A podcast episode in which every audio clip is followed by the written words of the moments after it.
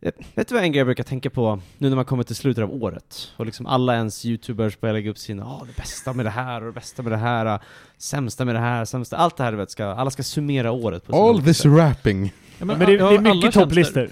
Det är Mm. väldigt mycket Det är topplistor så mycket topplistor. Jag såg precis någon sån här video med topp bästa djurscenerna det här året eller någonting. Det var Äh? Eller vad, nej, för, ja men tydligen Avatar var väldigt bra med djurscener. Det, var så här, det finns mycket konstiga... Nå- någon som har satt sig och kollat på alla nya Hallmark julfilmer. ja. ja, men jag har sett några sammanfattningar. Det är, Mycket bönder. ja, och det är mycket män vars fruar har dött. Då Ja. det inte ifrågasätts varför deras fruar är döda. Och väldigt mycket, eh, vad heter det, poppiga kvinnor från huvudstaden. Ja, Mm. Som jobbar på stor firma. ja. Som sen blir youtubers. och gör topplistor. Farm-youtubers. ja, nej men. Det går full circle. Ja. Ja, nej men så här, en grej vad vi tänker på är att så här, det finns ju, det är väldigt populärt nu med så här worst-listor, eller topp liksom, 10 värsta och allt det där. Och jag har ju också följt mycket sådana listor över åren, men så här, men jag har liksom eh, Dels lite för vi har ju pratat om det nu också, lite grann med att vi ska göra listor och sådär, att jag själv, för det första så konsumerar jag inte särskilt mycket media jag tycker är dålig. Det var det jag tänkte lite på Hannes, att du tidigare nämnt att du sp spelar spel som inte var så bra, och jag är så här. Jag gör ju dels väldigt noga undersökningar med så här, kommer jag tycka om det här spelet, eller film eller vad det nu är för någonting. Och gör jag inte det så brukar jag oftast inte göra klart, då brukar jag bara, eh, och så släpper jag det liksom. Så det är väldigt dåliga grejer, det är kanske film på sin höjd, för det är någonting jag oftast ändå ser klart. Uh, men då brukar jag oftast vara säker på att det är bra också. Så jag vet inte, jag är liksom, dels konsumerar jag inte så mycket dåliga grejer, men jag är också lite så här anti att man ska liksom göra en stor grej av det lite grann. För jag känner samtidigt så här, det är ändå någon här som har gjort den här filmen, eller spel. Alltså någon har ändå suttit liksom och gjort det här lite grann. Och sen sitter man och liksom hurrar lite, eller liksom, det känns lite som att man sparkar på någon som ligger ner. Man liksom verkligen så här gör en stor grej av att det här är det sämsta året. Och så ser den regissören den och bara, ja okej. ja. Men, men alltså ibland kan man ju faktiskt få göra saker man är värd att skämmas över. Ja, men också...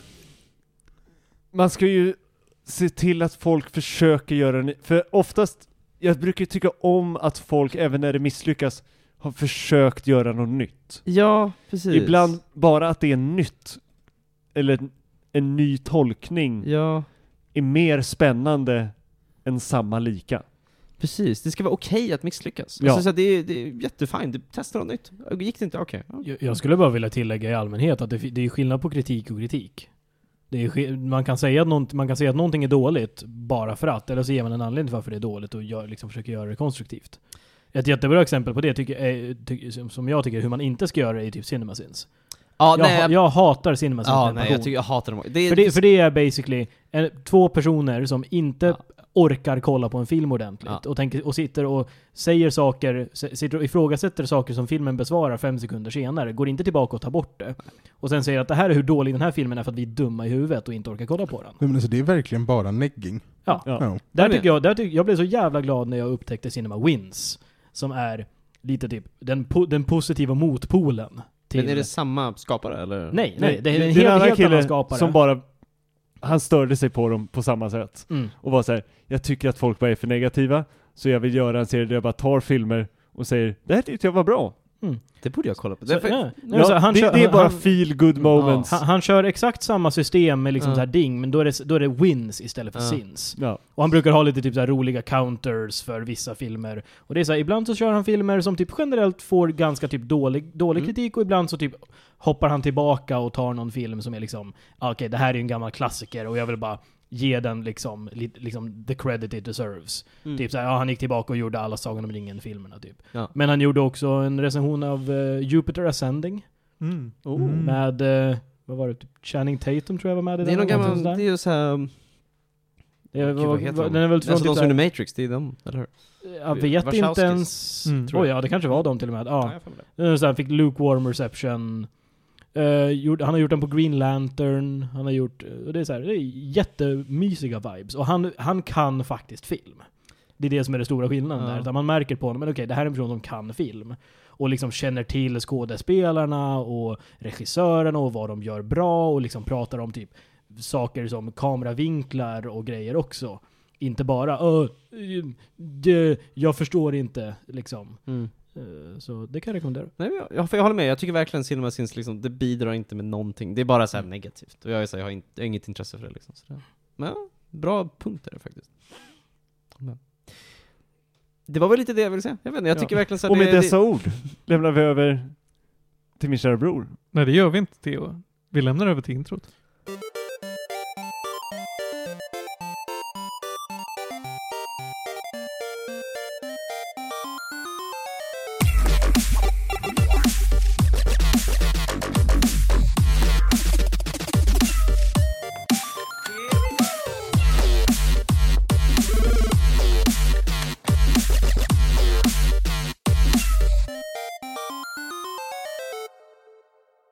Och där tar jag tillbaka stafettpinnen Theo, tackar.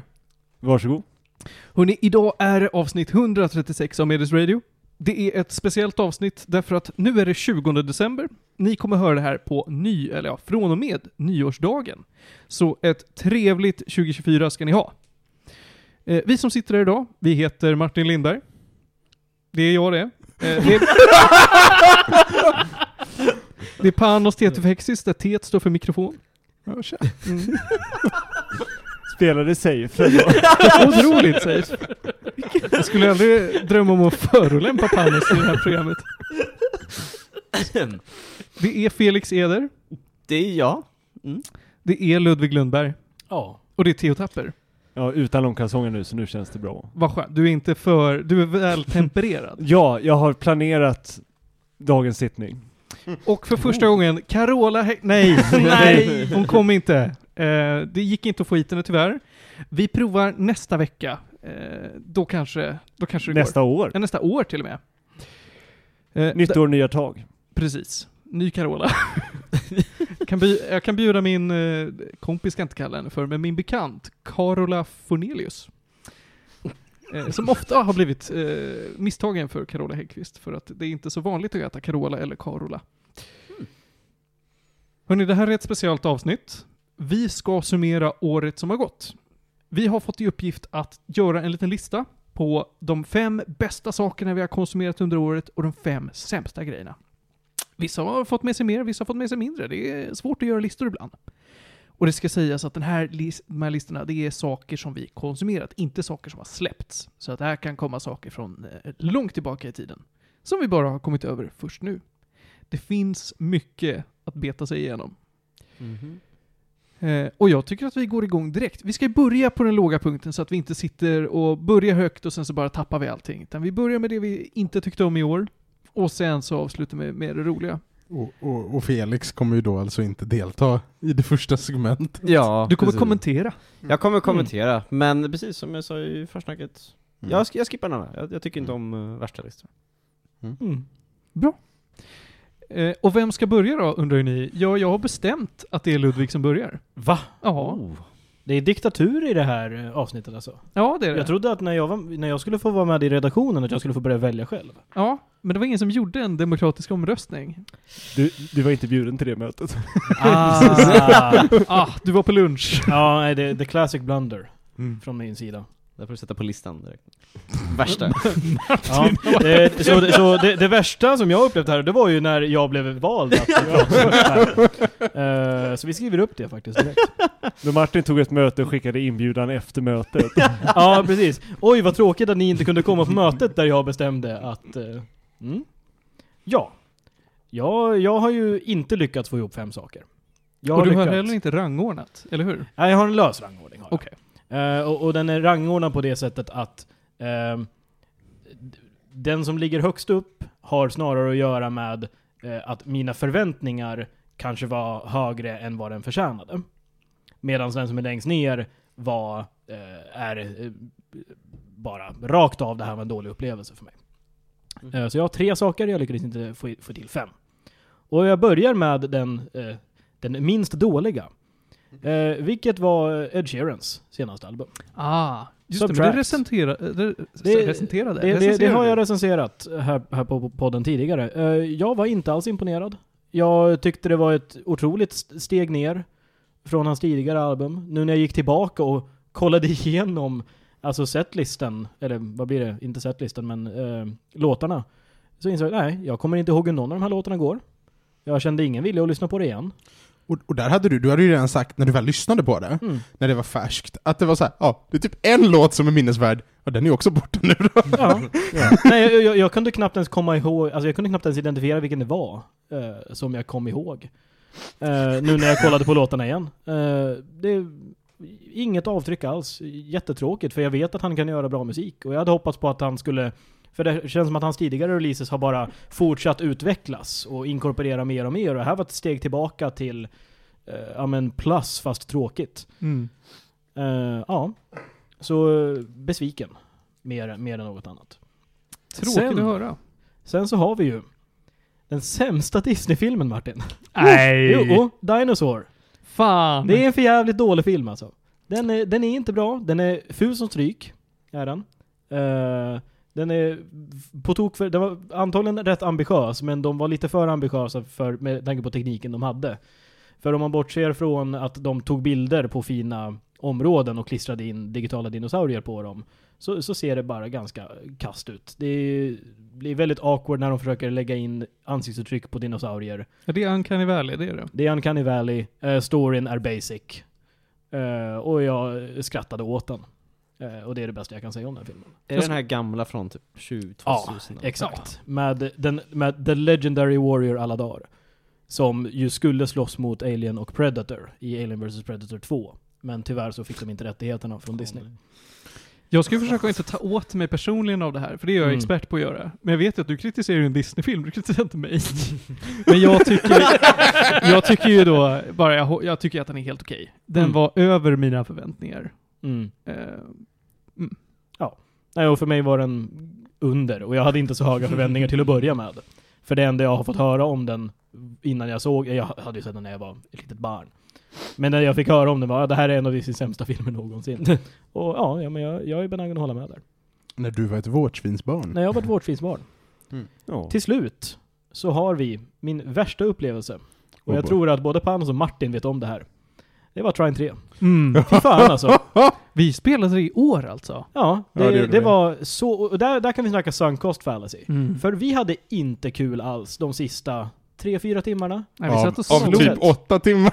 Ja. Nej, ja, var det så? Ja, nej, det var väl mer till och med. Nej. Eller? Nej, jag tror inte det var så långt. Ja, det var, men det var typ 10-12 timmar i alla fall. Nej, det nej, nej, nej, inte nej, var. nej. Nej. Men kul hade vi inte. Nej. Absolut inte. Nej, det var... De försökte sig på 3D, funkade inte alls överhuvudtaget. Allt var jobbigt, man dog till kameran mer gånger än man dog till något annat. Jävla vattenhissjävel. Enda fördelen, enda fördelen den här spelet ska ha, det är att de gav upp på det mitt i. Ja. Det, det är faktiskt en ja, ja, fördel. nej, nej men det hade känts betydligt värre om det här var liksom typ femman. Som de hade gjort det på. Mm. Eh, nu var det i alla fall, okej de har gjort två spel, tredje är en rimlig plats att börja experimentera. De provade, de insåg det här fungerade inte alls, och så gick de tillbaka till vanliga 2D. Eh, och det är, väl typ, det är väl det man kan säga om det. Och vi hade väl marginellt kul för att vi var tre stycken. Och vi har kul när vi spelar, men nej, fy fan. Vi var väldigt arga. Mm. Och vi kommenterade ofta på, just det grabbar, ni märker hur arga vi är på det här jävla skitspelet nu. Mm. Mm. Men de vände det, det blev bättre sen eller? Ja, ja. Ja, Nej, till, fyran och femman var fyran och femman solida. var- Solida spel. Det, är- det, det är liksom helt enkelt det är en fråga om hur, hur pass mycket man kan breaka dem. Som man kan bedöma kvaliteten på sen, beroende på vem man är. Alltså fan, fyran är verkligen så här the essence of trine. Mm. Femman, femman var ju lite, alltså femman var lite modern och sådär, lite, lite nya krafter och grejer och väldigt långt. Mm. Fyran var fan the essence of trine. Jag tycker fortfarande tvåan var roligast. Jag, jag tror fyran kändes bättre för att vi precis hade genomlidit trean. Nej, vi körde fyran först. Var det så? Just det, vi skippade trean. Vi gjorde fyra, ett, två, tre, fem. Ja, vi gjorde Mm, den så kallade machete order. Try. Ja. Mm. Ja, nej, så det var, det var min lite kortare. Nej men tack så mycket. lista. Ja. Det är ändå dåliga ämnen. Och alla dagar. Theo, du Ja. tar vid. Ja, men och vi kommer väl börja med de som inte släpptes i år, men som jag haft mest varit inne i i år. Och det är Overwatch 2. Mm. Mm. Mm. Som är, jag vill inte säga att sämst är väl att ta i. Jag har, mina är väl mer såhär, jag hoppades på en bättre vändning och de har inte riktigt kommit så långt som mina förhoppningar. Och ändå har jag kastat bort väldigt många timmar och lyssnat på väldigt upprörda unga barn. I, i, I Overwatch eller på Discord eller vad- va? Ja, i, alltså bara i voice chat i Overwatch. Åh, Ja. vänta. Kan, kan man inte opta ur voice-chatten? Det kan man. Men du valde att opta in. Det, det känns som självförvållat liksom. Nej men alltså lidande. folk, då de in, för oftast, du hoppar in automatiskt, och i, ibland så är det trevliga människor, och oftast pratar de inte. Mm. Men när de kommer, är tyst hela matchen, och sen bara exploderar de. Och då hinner man inte muta dem. Utan då får man bara Too en fast you. våg av obehagligheter och ord över sig. Mm. Det här, är, det här är vad jag i Call of Duty kallar Russian delight. Ja. Okej, om, du, om, om du skulle jämföra det här med en Call of Duty-lobby. ja, nej oj. Är, är det... Då är det här mycket snällare. Okej. Mm. Det är mer att det kommer så oväntat.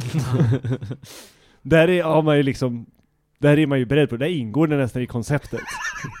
Det stod på baksidan av spelet. Ja. Vet du vad jag funderar på med Over- Overwatch 2? Jag lärde mig häromveckan att bara in-game purchases i eh, Diablo Immortal har tjänat in mer pengar än vad allt som går att köpa, inklusive spelen och expansionerna själva, som har med Starcraft 2 att göra. Mm. Så jämför man det, alltså allt Starcraft 2 Någonsin. någonsin har tjänat in mindre pengar än in-game purchases i Diablo Immortal. Frågan är, gäller avslö- detsamma i Overwatch 2? Absolut inte. Ja, nej det tror jag inte.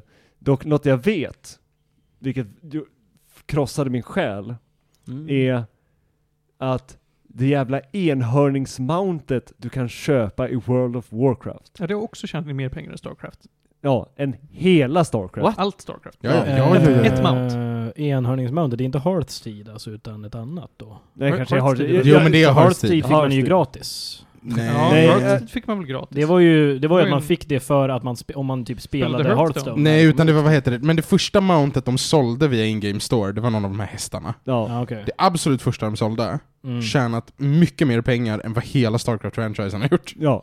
Det gör mig, alltså det, jag blir så bestört när jag tänker på det och på vad folk väljer att lägga sina pengar på. Men är det bara att Starcraft inte tjänat mycket? Det har väl också varit stort? Det- Eller det- har det- bara... det Men det drar inte in pengar. Det, det är väl också det här att, alltså så här, även, även om Starcraft var stort för att vara, för att liksom vara stort inom sin genre, så RTS-genren jämfört med hur stort WoW är, ja. eh, I guess, ba, bara där att det finns en mycket större mängd potentiella köpare Men i WoW. Diablo? Immort? Alltså det är fyran, eller hur? Nej, Diablo Nej. Immortal är mobilspelet. Åh, jag visste inte. Ja. Oh shit. Alltså det är ju... Nej. Det Det är, finns det PC också, men... ja men det, det, är, det är sorgliga grejer. Och något som gjorde mig riktigt besviken i Overwatch 2 var när de äntligen släppte sina jävla storykartor. Och det var tre banor, Är Co-op-läget, tänker du på det? Ja. ja. och det var bara en ren besvikelse. Mm. Får jag bara, jag vill bara, för att sätta lite, lite perspektiv, för jag googlade bara på det här. I slutet av 2017, sen Mm. dess har ingen räknat på det här offentligt, för att Mhm. Blizzard slutade vid någon punkt släppa sina sales-siffror. Mm. Men i slutet av 2017 hade Starcraft-franchisen tjänat en miljard dollar. Mm. Det var inte mycket. Nej. Det var inte mycket. Nej. Nej. Mhm. Nej. Nej. Totalt hela franchise? Ja, Ja. point made. Hela Starcraft Så, så Starcraft ettan 1, och Brood 2, War också. Wings of, Wings Allt, allt, allt, allt fram till 2017 hade tjänat en miljard dollar. Mm. Inte mycket pengar. Och då får man tänka på hur tidigt Starcraft 1 kom och hur Ja. mycket inflation liksom måste justeras in på det. Ja. Och om vi går vidare så vi inte fastnar här. Men min nästa upplevelse, som var, den var väl inte dålig, men den förgyllde verkligen inte en dag som sen skulle bli sämre. Oh. Vilket var filmen Snart kommer allt det här bli ditt. Jag tror en dag kommer allt det här bli En dag kommer allt det här bli ditt. Vilket är, Vad är det? Det är Åsa-Nisse. Nej. Nej. Det det är Peter en- Haber och... Eh, Han från Mammas nya kille. eh, om, nu tappar jag hennes Susanne namn. Reuter. Susanne Reuter. Och sen eh, lite yngre skådisar som jag inte kommer ihåg vad de heter. Eh, ingen lämnade ett specifikt intryck.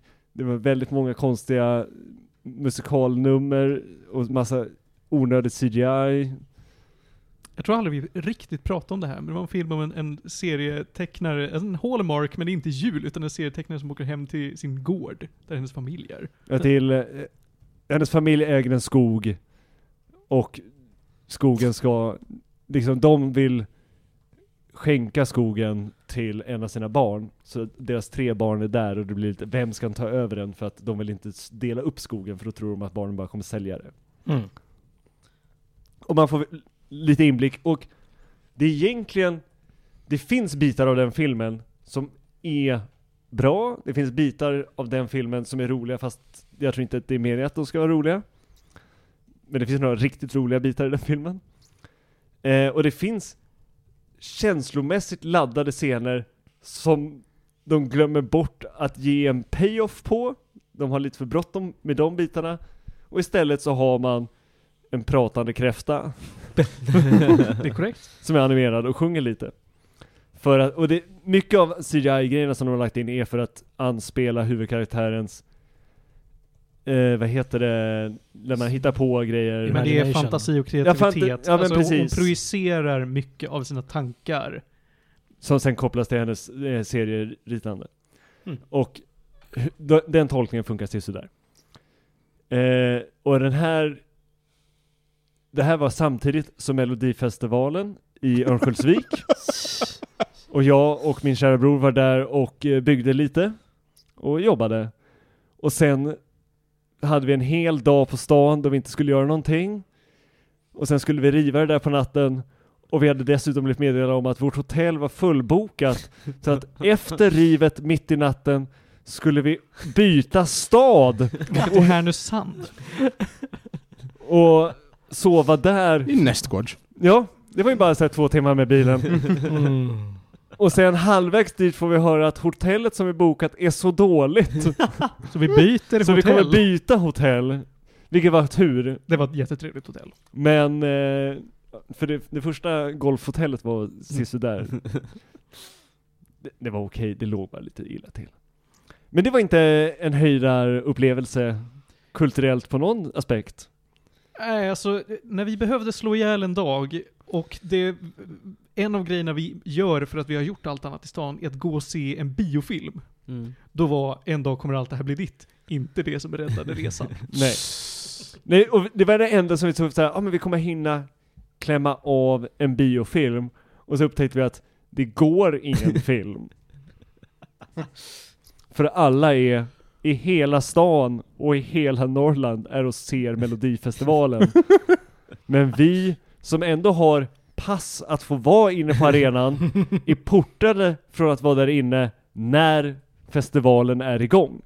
Vi får inte ens stå i entrén. Varför? De motade verkligen bort oss. Ja, nej men det var, det ingick i liksom så här, och det, det är väl av säkerhetsskäl att eftersom vi har tydliga accessbrickor så skulle man säkert kunna att lura vissa att komma in längre än vad man skulle få. Men det var tydligt att så här, nej men alla som har ett reklam liksom bygge och inte tillhör själva stagecrewn får inte vara inne för troligtvis av säkerhetsförvirringsskäl Mm. under själva grejen. Mm. Och det sög lite. Men det var en film som jag, jag tänker tillbaka på vad ironiskt kul det var att vi gjorde det där som en grej. Ja. Men filmen i sig var axelryckning. Ja. Men jag tror highlighten från hela grejen var Örnsköldsviks museum.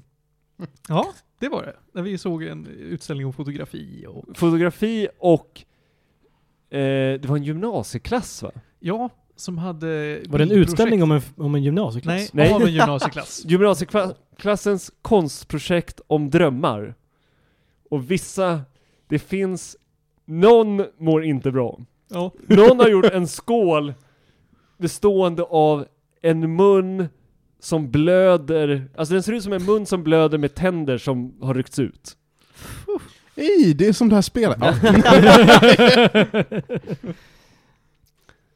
Det var en resa. Ja. Mm. Nästa, jag har bara fyra, men nästa var lite av en besvikelse bara, och jag tror att det var för att jag hade hypat det för mig själv.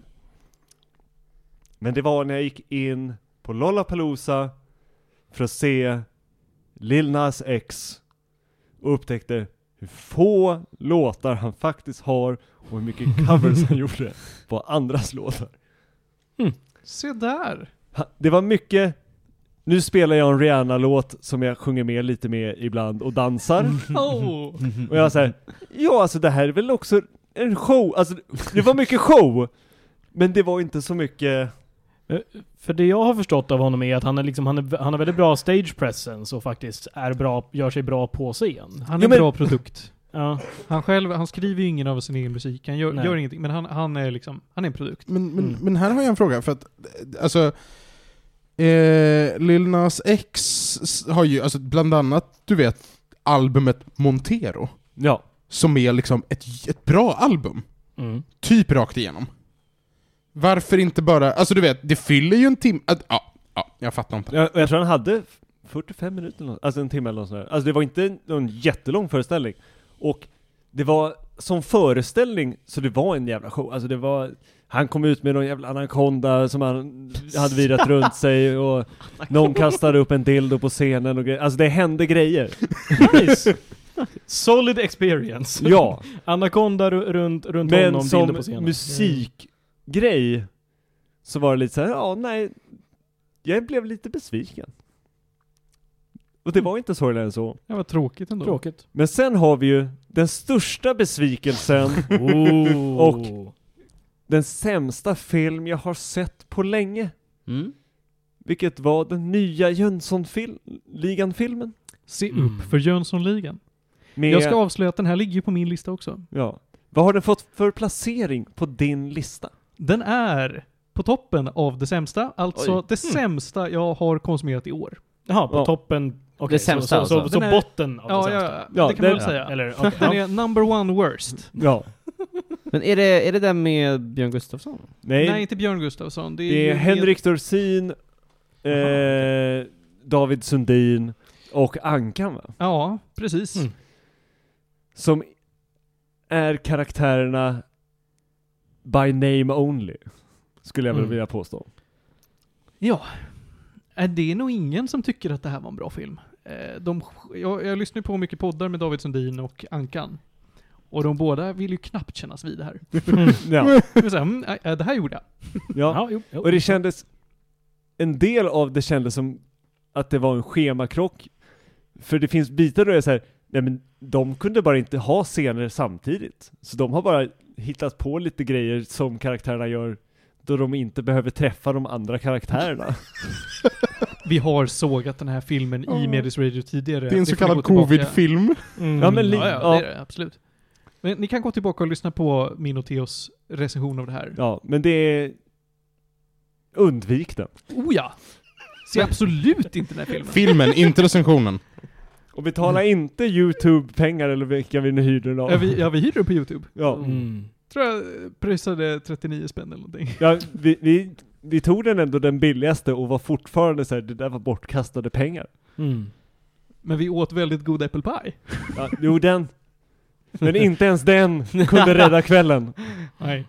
Får bara säga, de har ju faktiskt annonserat en ny Jönssonligan för nästa år. Med Björn Gustafsson. Nej förlåt, med Robert Gustafsson. De gör så Robert många- Gustafsson. Han ska spela...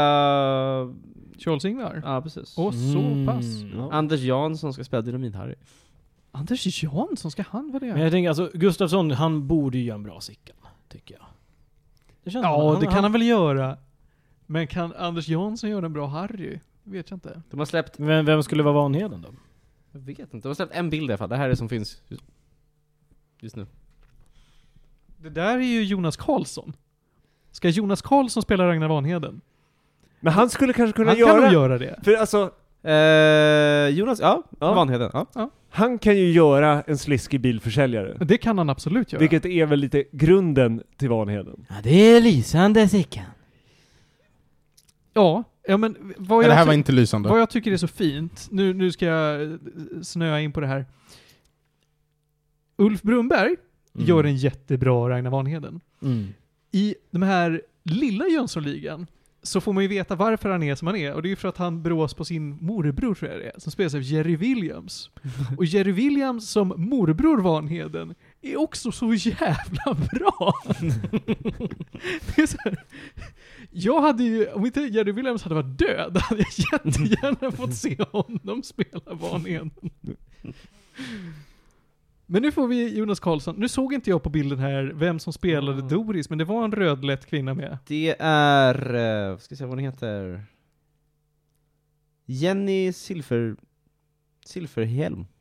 Jenny Silverhjärn kommer jag inte riktigt på. Får se på en bild igen. Jag ska säga, sorry. Där. Ja men det där är ett ansikte. Ja, Ansikte. o- en okänd fast känd. Mm. Vi får väl se, den kommer ut 25 december 2024. Åh nej, det är en julfilm 2024. Martin, då har vi ju våran julfilm till nästa år bokad. Ja, ja. ja. Du, Theo, tack så jättemycket för din lista. ja. Vi hoppar över till mig. Oho. Jag har fem grejer. Jag har långt mer än fem grejer. Det var jättesvårt att eh, rangordna och bara få fem grejer, men här har vi det i alla fall. På femte plats, alltså minst dålig av de här, hamnar The Sinking City. The Sinking City recenserade vi här i podden. Det var ju eh, Cosmic Horror, H.P. Lovecraft, man springer Mm, runt i det. detektiv i, inte Innsmouth, Det var, det var, det var gameplayet som, som förstörde det så mycket va? Ja, det var Mm. det. Det är på Det min lista fortfarande. Riktigt långsamt spel, man gör samma sak om och om igen. Mm. Det, nej, det var inget bra. På fjärde plats, Sonic Unleashed. Varulvs-Sonic. Har vi också recenserat här i podden. Mm, Jag såg, jag såg en video häromdagen där det är någon som är så här riktig, eh, riktigt förlåtande och bara Men det här är typ det bästa spelet i serien. Och jag tänker, nej. Det, vad som ju är problemet med Sonic, och framförallt 3D Sonic, är att kontrollerna är inte tajta nog. Mm. Och det görs ju, det finns, jag räknade på det här häromdagen, det finns eh, över 60 Sonic-spel. 60? Mm. Man räknar alla spel där liksom är, men det här är Sonic i titeln. Och det är ju allt från liksom, lär dig räkna med Sonic till Sonic Frontiers. I de flesta spelen så är ju kontrollerna bara inte tajta nog. Du kommer fastna på en vägg, du kommer ramla genom banan, du kommer... När det ska gå snabbt går det långsamt, när det går långsamt så vill du bara att det slutar gå långsamt och börjar gå snabbt igen. Det är ju när spelet styr sig självt som det är bra. Mm. Du, du vill ha mer stödhjul i Sonic? Ja. Alltså, om alla Sonic-banor var som första banan i varje Sonic-spel. där det bara spelar sig självt. Mm. Det är ju då det är kul. Och man får bara lyssna på musiken och höra kling, kling, kling, kling, kling. Oh ja. ja. Kan man, kan man räkna det som Flight Simulator-timmar? Den bara går. Det är kul när man startar och landar. Ja. Men när du ska li- flyga liksom Honolulu till Lissabon, då, då kommer det vara många timmar då det inte händer gå. någonting. Ja, då går man och brygger kaffe. Mm. Eh, Sonic Unleashed tycker jag var riktigt kast. På tredje plats, där har vi Siberia 3. Mm. Jag pratade ju om Siberia 3 och sen så kom jag och bara, men Siberia 4, vilken jävla grej. Jag pratade ju hela Siberia-serien faktiskt. Men trean var ju klart sämst. Det var ju Trine 3 av Siberia-serien. Vad fan håller ni på med? Vad är det som händer? Vem, vem sa att det här var bra? Och det var ju han, Benoit Sokal, eh, vila i frid, som spearheadade det här. Jag vet inte. Jag vet inte vad som gick fel med Siberia 3, men fan vad illa det är. På andra plats, där har vi ett annat spel som inte borde ha, borde ha producerats. Vill ni gissa? Det här är alltså det sämsta spel, för ni vet ju vad ettan är. Ettan är ju Se upp för Jönssonligan. Så vad är det sämsta spel jag har spelat i år? Jag är inte Är det hundra. Trine 3? Nej, det är inte Trine 3. Mm, för- Nej, jag vet inte. Det har med gaffeltruckar att göra. Ja! Shenmue! Shenmue! Det är ju Shenmue 3! Mm. Shenmue 2 och 1 kan jag ju säga såhär, ja ja, det, var- det var gammalt. De, de gjorde ju väldigt coola saker i det. Shenmue 3 Gaffeltrucksimulator. har inga ursäkter att vara så jävla dåligt. Fuck Shenmue 3. Usch! Usch! De borde skämmas. De borde skämmas! Och sen har vi Se upp för Jönssonligan, där de, jag vet inte om de borde skämmas eller ifall vi bara borde sopa under mattan och säga mm, det gick inte den här gången. Jag tycker vi kan göra så, som Ankan och bara låtsas som att den inte finns. Typ. Och det var min sämstlista. På kan- grekiska så betyder literally göra som ankan att låtsas som att något inte finns. Jag vill Där ser man! Ja, gå iväg. Kvack! uninte- unintentional grekisk visdomsord. Ja, verkligen. Grekiska med panos. Unintentional Greek. Ja. Och vi ska därmed gå över till din lista panos. Ja, Ta det på grekiska. nej. Okej. Ehm, ingen invärtesordning. Ja. Nummer ett, eh, Heaven's Vault som vi pratade om i förra avsnittet. Alltså, äh, Tä- dra ut tänder. jag drar ut tänder, drar ut tänder. Eh, jag har inte kommit runt till att läsa eh, några e-noveller än heller, så att jag, jag vet inte om det är någonting med det där som är värt det. Men eh, Heaven's Vault, absolut förfärligt. Ehm, Assassin's Creed Mirage. Mm. eh, dåligt spenderade 450 kronor. Du tyckte inte om det? Berättar inget särskilt, gör det dåligt mekaniskt också. Lite snyggt är det. Eh, Jag har ju spelat igenom det under Mm. min semestervecka nu. Eh, Jag var också arg, för det är så meningslöst. Ja. Det är ett bättre Assassin's Creed 1. Och det säger väldigt lite. Nu, har de, nu har de patchat in ett New Game Plus, eller vad det är. Och inte gör det någonting för spelet. Mm. Nej men alltså ingenting. Det är fruktansvärt Du tråkigt. hinner på, på, på liksom alloterade, vad är det, 18 timmar eller vad det är. Så hinner du en full playthrough med allt side content. Där ingenting, alltså det är inte ens som typ gamla AC3 och 4 där man kan göra så här bonusobjektiv under quest för att få mer completion. Mm. Det är bara, allt side content är verkligen bara gå från A till B, gör C klar. Ehm, och hin- sidequesten var så jävla korta. jag vet, och det hinner du med på en vanlig playthrough för att det krävs typ som utfyllnad. Mm. Så att jag vet inte vad poängen med New Game Plus är.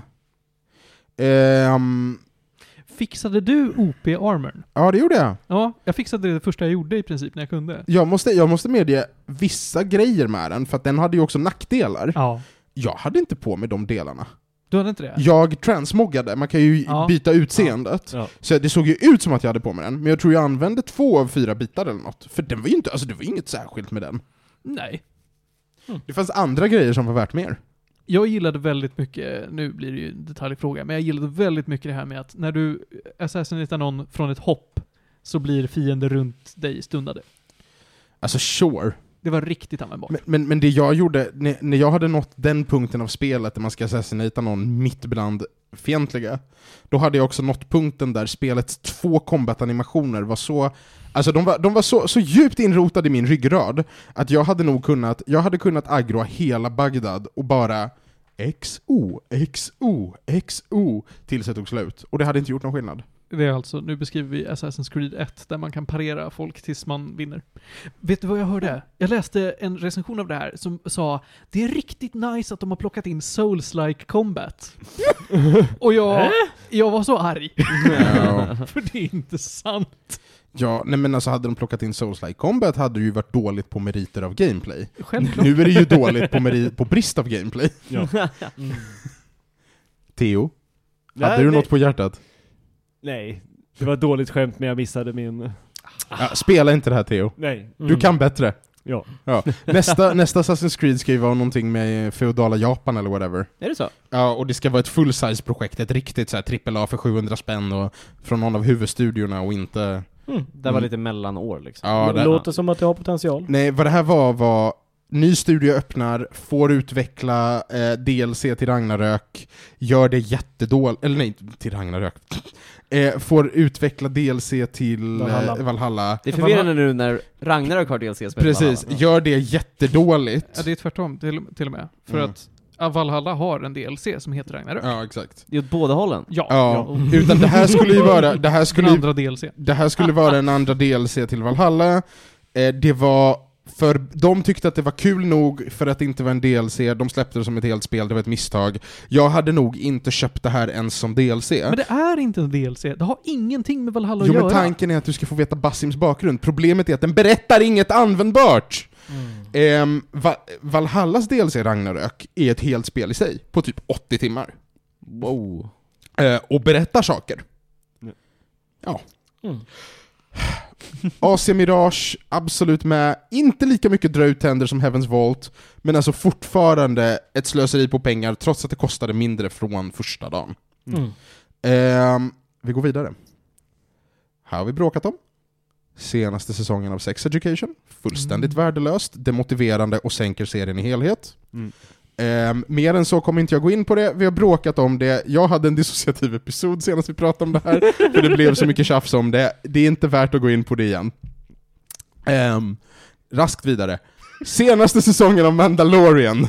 Oj! Oj, ja. Eh, jag älskar Mandalorian, jag tycker att det har varit mycket bra väldigt länge. Senaste säsongen var verkligen, verkligen, verkligen ett desperat knyta ihop säcken, mycket bloat. Jag uppskattade ändå att se den, men det var synd. Mm. Det var synd. De kunde inte... gjort... Vad sa du? Nej förlåt. Nej men de kunde ha gjort bättre. Alltså jag kan säga så här. Jag har ju inte sett klart senaste säsongen för jag tappade lite intresset. Mm. Vilket säger en del. Mm. Men, men vi har också pratat om det här tidigare, att jag har alltid stått för att första säsongen och typ första halvan av andra säsongen, Mm. samt punkterna där Mandalorian dyker upp i Boba och så, det är ju, vad heter det, det som gör det charmigt är ju episodiality. Ja. Alltså det är ju just så här capsule adventure, visst, overhanging story, men väldigt mycket i bakgrunden. Ja. Så, nytt avsnitt, liksom, alltså... Så här, Episodic- Det är alltså som bäst när det är en western. ja. När det är... eh, Veckans brott höll jag på att säga, men... Ja, inte veckans brott, men, men det är eh, Firefly. Ja. Mm. Jo, men, jo men exakt, precis som eh, gamla Star Wars, originaltrilogin, så gör det sig väl som en western. Mm. Och, eh, och i säsong tre så slutar det vara det. Och även om de kinda lyckas avrunda det, sista avsnittet eller vad det är. Visst är det säsong tre vi såg i år? Det är säsong tre, ja. Ja. Mm. Eh, de lyckas kinda avrunda det, typ.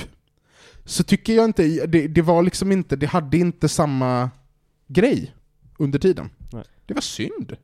Ja, Jag såg faktiskt aldrig säsong tre. Jag liksom började aldrig med det och sen så hörde jag inte så mycket Nej. bra om det. Men jag vet inte om jag ens ska göra det. Jag känner mig ganska nöjd med de första två säsongerna. Men de första två är nice. Ja, jag kanske släpper det. Eller så här, den första säsongen är ju spektakulär för vad den kom ut som. Ja, absolut. Och sen är säsong två en helt acceptabel fortsättning Ja. på det. Ja. Men säsong tre tappade det. Ja. Och Ludvig ser eh, både nöjd och missnöjd ut, för du gillar ju inte Mandalorian. Nej, alltså jag har ju bara satt mig utanför den här diskussionen, för jag är den enda i sällskapet som bara aldrig fastnade för Mandalorian. Jag, jag, jag pressade mig igenom första säsongen, fastnade inte alls och Ja. slutade. Ja, alltså likt, likt Bane i, i Gotham-trilogin så, så gick de så långt att det blev sämre. Så, så om det är någon tröst. Tack, Mm. Tack Panos. Vad? Ja, Jag älskar när du säger det där. Ja. Alltså, alltså, vet, nu kommer jag, jag är också en, en, en strong defender av eh, Dark Knight Rises, men det, det kan vi ta vid en senare punkt. Ja, nej men, eh, nej men det är en bra film. Hur som. ehm, Ja, senaste säsongen av Mandalorian. Nej. Mm. Och nu mina herrar, nu kommer vi till slutklämmen. Mm. Och det här är också något jag spenderade eh, biljettpengar på, och gick och kollade på bio och eh, har lämnat mig med absolut ingenting och det är Asteroid City. Tycker du att den var sämst i år? Ah, jag tycker, ja, den är i min fem den är bla, botten. bland sämst i Ja, den är, den är Wes Andersons absolut sämsta produkt. Wow. Eh, den är inte värd ett biosäte. Eh, den har inte lämnat mig med någonting. Jag, jag kom ut ur den där filmen och jag visste inte vad jag hade sett. Intressant. Ja, Sett en Roadrunner? ja, ja typ. Nej men alltså, jag tror, jag tror det enda jag lämnades med är att den skådisen som potentiellt kunde ha gjort det intressant var CGI till en grön utomjording, och det var det. Mm, mm. Mm. Eh, jag har, alltså jag, jag kan inte, ni vet, jag kan typ föreställa mig hälften av skådisarnas ansikte, men jag är inte ens helt säker på vilka fler som spelade. Jag, alltså, de, den, är, den lämnar mig eh, helt alltså, oförändrad som person. Mm. Och jag förväntade mig så mycket mer av en Wes Ja. Anderson-film, speciellt eftersom ni talar så gott om den. Tråkigt Ja, men för jag kommer ihåg att jag var, jag pratade inte lika gott som vissa andra, men var fortfarande så här. det var en upplevelse, Mm. jag är mest förvirrad, Mm. men jag tyckte att det var sevärd, alltså upplevelsen var värd Ja. i sig, Ja. även om jag troligtvis inte skulle sätta den som en av mina bästa Wes Anderson-filmer, Nej. utan Mm. säkert till och med ner i botten, men Mm. fortfarande mycket bättre än många andra filmer. Mm. Mm. Men jag kan också, jag har lite förståelse för att den kan vara lite för rörig och otydlig med var den är på väg, vad den vill och vad den har för syfte. Ja. För det har jag fortfarande inte riktigt greppat själv. Nej men, nej men alltså jag och Esmeralda satt ju för fan, vi hade en salong för oss själva. Alltså vi, vi hade en Ja, ni privat... såg den riktigt sent va? Ja men, ja, men vi hade Ja. liksom en privat visning av den här. Ja. och det är fortfarande inte ens en upplevelse. Det är inte en bra upplevelse, en dålig upplevelse, Ja. en halvdan upplevelse. Det är inte ens en upplevelse. Jag, jag vet inte Mm. vad filmen handlar om. Och jag har läst en synopsis på den efteråt. Jag vet fortfarande inte vad filmen handlar om. Jag vet inte om det är rätt sätt att konsumera Asteroid City på, Ja. med en synopsis. Nej men jag gjorde det liksom efteråt för att bara så här försöka processa traumat jag av fattar. ingen... Ja, men jag, jag kan köpa det. Ja. Den är rörig och det finns mycket jag hade tagit bort ur den, men jag är ju med Theos tåg där. Jag hade ändå kul. Jag Mm. gillade vad jag såg. Jag hade inte heller svårt att förstå den. Jag, jag hade svårt att förstå, men varför tyckte ni att det här var viktigt att ha med? Men det är också någonting jag ofta känner med Wes Anderson, och det är ibland okej. För att ofta är det rätt underhållande. Ja, jag känner att han blir mer och mer att han lägger in saker som är såhär, vad är poängen? Mycket såhär berättelser i berättelser och saker. Mm. Men jag tyckte Asteroid City bara var väldigt kul. Jag tycker det var en av hans roligaste filmer. Så. Alltså, Mm, ja. det, Men såhär, komedin var bra. Jättebra. det, det, jag har, det största intrycket jag har av Asteroid City är eh, att jag efteråt på Youtube har sett en scen med Bill Murray som de kapade från The Final Cut. Mm. Där han leker typ oljemagnat i stor cowboyhatt. Åh, det hade jag velat se. Och det var typ det enda, de, de bara såhär, hur ska vi få in Bill Murray i det här?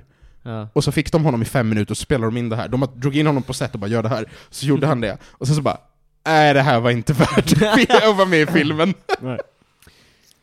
Hörni, jag tror att vi måste ta och lämna det dåliga där, och sen ska vi fokusera på det bra. Är Vi ska gå in på topplistan över vad är det bästa vi har Hype, kommit hype, över i hype. år. Hype, hype, hype, Och då hype, så hype, fortsätter vi varvet och då ska Felix få börja. Får jag börja? Ja! Var det här varför jag fick börja med de dåliga Martin? Ja, det Hade var du det. tänkt så? Jag hade tänkt. Det var imponerande Ja, faktiskt. vissa Ja. saker jag har tänkt på. Inte vad Panos smeknamn är. Wow. Men, Felix, varsågod. Ge oss din kul. lista över det bästa du har kommit över i år. Jag har en lista på fem grejer här som är absolut rangordnat. Oh. Som jag faktiskt har lagt ner lite för mycket tid att tänka på. Jag har till och med Oj, oj, skrivit oj. den och sen så suttit och bara Nej vänta lite. D- du har, vad heter det, Gantt-scheman och agilt arbetssätt och remissgrupper i riksdagen. Jag har scrummat den här. Ja, Och men den här den här. äh, listan, wow, den har uff, refinats och grejer. Men jag, jag tror också majoriteten har jag inte ens tagit upp i podden. Jag tror inte det i alla fall. Så att vi får se, det blir lite överraskningar kanske. Eh, lite blandat smått och gott här, men vi börjar med nummer fem. Och nummer fem är RRR. RRR. Det är en film från, det är en Tollywood-film. Så det är alltså inte Bollywood. Thailändska Hollywood. Nej, det är från södra Indien, det är från Telugu-regionen. Jaha. Så filmen inte är på hindi utan är på Telugu. Okej. Eh, det är en, alltså det står för typ, på engelska tror jag det står för Rise Roar Revolt. Det är en sann historia, är sann, väldigt så här. mm.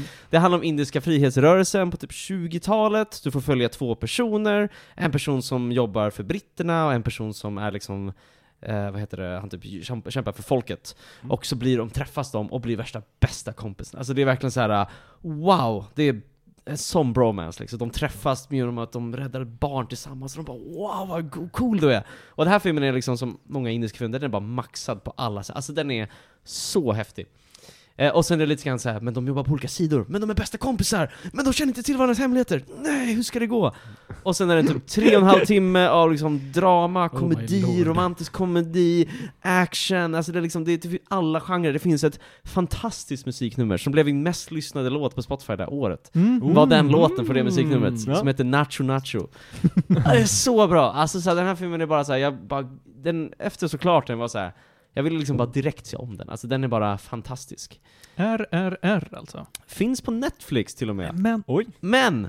Den finns bara på Netflix om man ändrar sitt språk till engelska. För det finns ingen svensk undertext, så då tar de bort den. Ja. Äh? Så glöm inte, det är en grej man ska göra på Netflix tydligen. Byt språk till engelska. Ja, alltså, jag. Wow. jag älskar Det indisk hade jag kultur. ingen aning om. Nej, inte jag heller förrän jag hörde det. Jag älskar indisk kultur. Man bara såhär, ja det här är ett språk, eh, ett litet indiskt språk i södra Indien Ja. som heter Telugu. Och hur många talar? 96 miljoner! Världens 14 mest talade språk. Jag har aldrig hört det. här. Regionell dialekt liksom. Ja, Ja. ja. Mm. Ja, och det är liksom inte en Bollywood-film, utan den bara nej, det var det en, en av andra så här världstora filmindustrier. Det, det är också otroligt nog en av Indiens dyraste filmproduktioner.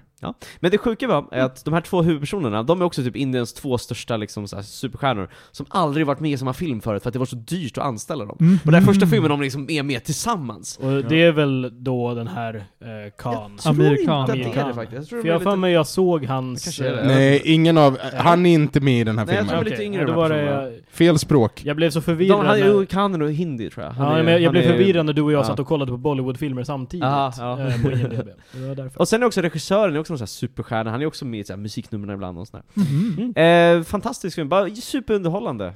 Um, finns inte mycket att säga, så här, den är så uppfräschen också att se efter att man sett så mycket Marvel-filmer och allting, att det här är en film som har liksom så mycket som händer, så mycket roligt som händer. Och den är liksom fullt seriös, committad, den är inte så här lite så här med glimten i ögat, utan bara nej, nu ska vi bara ha en scen med en heist med djur, nu kör vi, och så bara Mm. är det det. Underbart, rekommenderar till alla. Eh, nummer, nummer fem. Eh, nummer fyra har jag pratat om i podden, eh, det är John Wick 4. Ah. Ej, Det var ett det- tag sedan nu, men jag började kolla upp och så bara vänta, den kom ut det här året. Jag förväntade mig att du skulle ha med Ja, John Wick men John 4. Wick 4 var faktiskt den enda filmen jag såg på bio två gånger i år. Mhm, För att jag okej. bara, alltså, jag kan inte vänta på att den kommer ut på stream, jag måste se den igen. Så jag bara såg den igen, helt fantastiskt. Sen tror jag sett den en gång till på ett flyg, om jag minns rätt. Jag har faktiskt sett den minst tre gånger. Mm. Bland de bästa actionfilmer jag sett i mitt liv, alltså verkligen så här, jag tycker fortfarande att den är helt fantastisk. Den är så mycket bättre än de andra John Wick-filmerna också, vilket Mm. jag tycker är intressant. Är, är, det, är det vid den punkten som det är stuntteamet som har börjat typ göra hela filmen? Eller var det en grej från början? Jag tror Det grej var från Det var början. från början Ja. tror jag. Ja. Men det är väl också att eh, John Wick heter han inte, han heter Keanu, Keanu Reeves. Keanu Reeves. Eh, han har ju blivit bättre och bättre, så de har gett honom Mm. mer avancerade liksom, hans team har liksom Ja. tränat honom och sen har han bara blivit bättre och bättre och de har vågat testa mer och mer grejer. Ja, ja på stund, stuntnivå alltså. På ja. stundnivån. Ja. Och det är väl det som har gjort att de hela tiden har trappats upp och Precis. blivit För det är den biten som säljer det, hur han liksom Hur mycket skådisen gör själv, så att säga. Ja. Mm. Precis. Och så, så tycker jag bara att, liksom att filmerna blir bättre och bättre också. Alltså jag tycker fyran är så extremt bra, alltså, pacad för att vara så lång. Alltså, Ja. jag ska inte snacka, jag har snackat Nej. om det tidigare. Men så här, den är eh, fantastisk. Jag började ju liksom hela, det ändrade hela mitt filmår, att jag började gå in till att se massa så här, eh, Bruce Lee och Jackie Chan-filmer efter det, för jag blev så inne på martial arts. Och jag har fortfarande liksom inte släppt det. Så Fast det, det är ju, alltså Hongkong-filmer är ju en helt annan kaliber. ja, Ja. absolut. Men det, det, det, här kan man ju inte. Nej. Ja, det, det finns ju, ba, bara som ett exempel, det finns någon, en Hongkong-film med Jackie Chan där han, Oh, kommer in, där han kommer in, han kommer in i en, en stor, ett, en, ett stort typ torn med en cirkulär trappa Mm. och så är det en lång take i typ nio minuter där han fightar, fightar sig upp längs den här trappan och typ kastar folk ut från trappan så de typ faller genom typ någon liten pagoda i mitten av rummet. Ja. Och sen så kommer, det- sen så kommer typ ja, Kingsman och gör sin long take, Mm. eh, sin long take. Eh, f- och folk blir jätteimponerade. Åh, ingen har gjort det här tidigare. Mm. Jo. ja. Nej, En sån scen görs i Shenmue 3.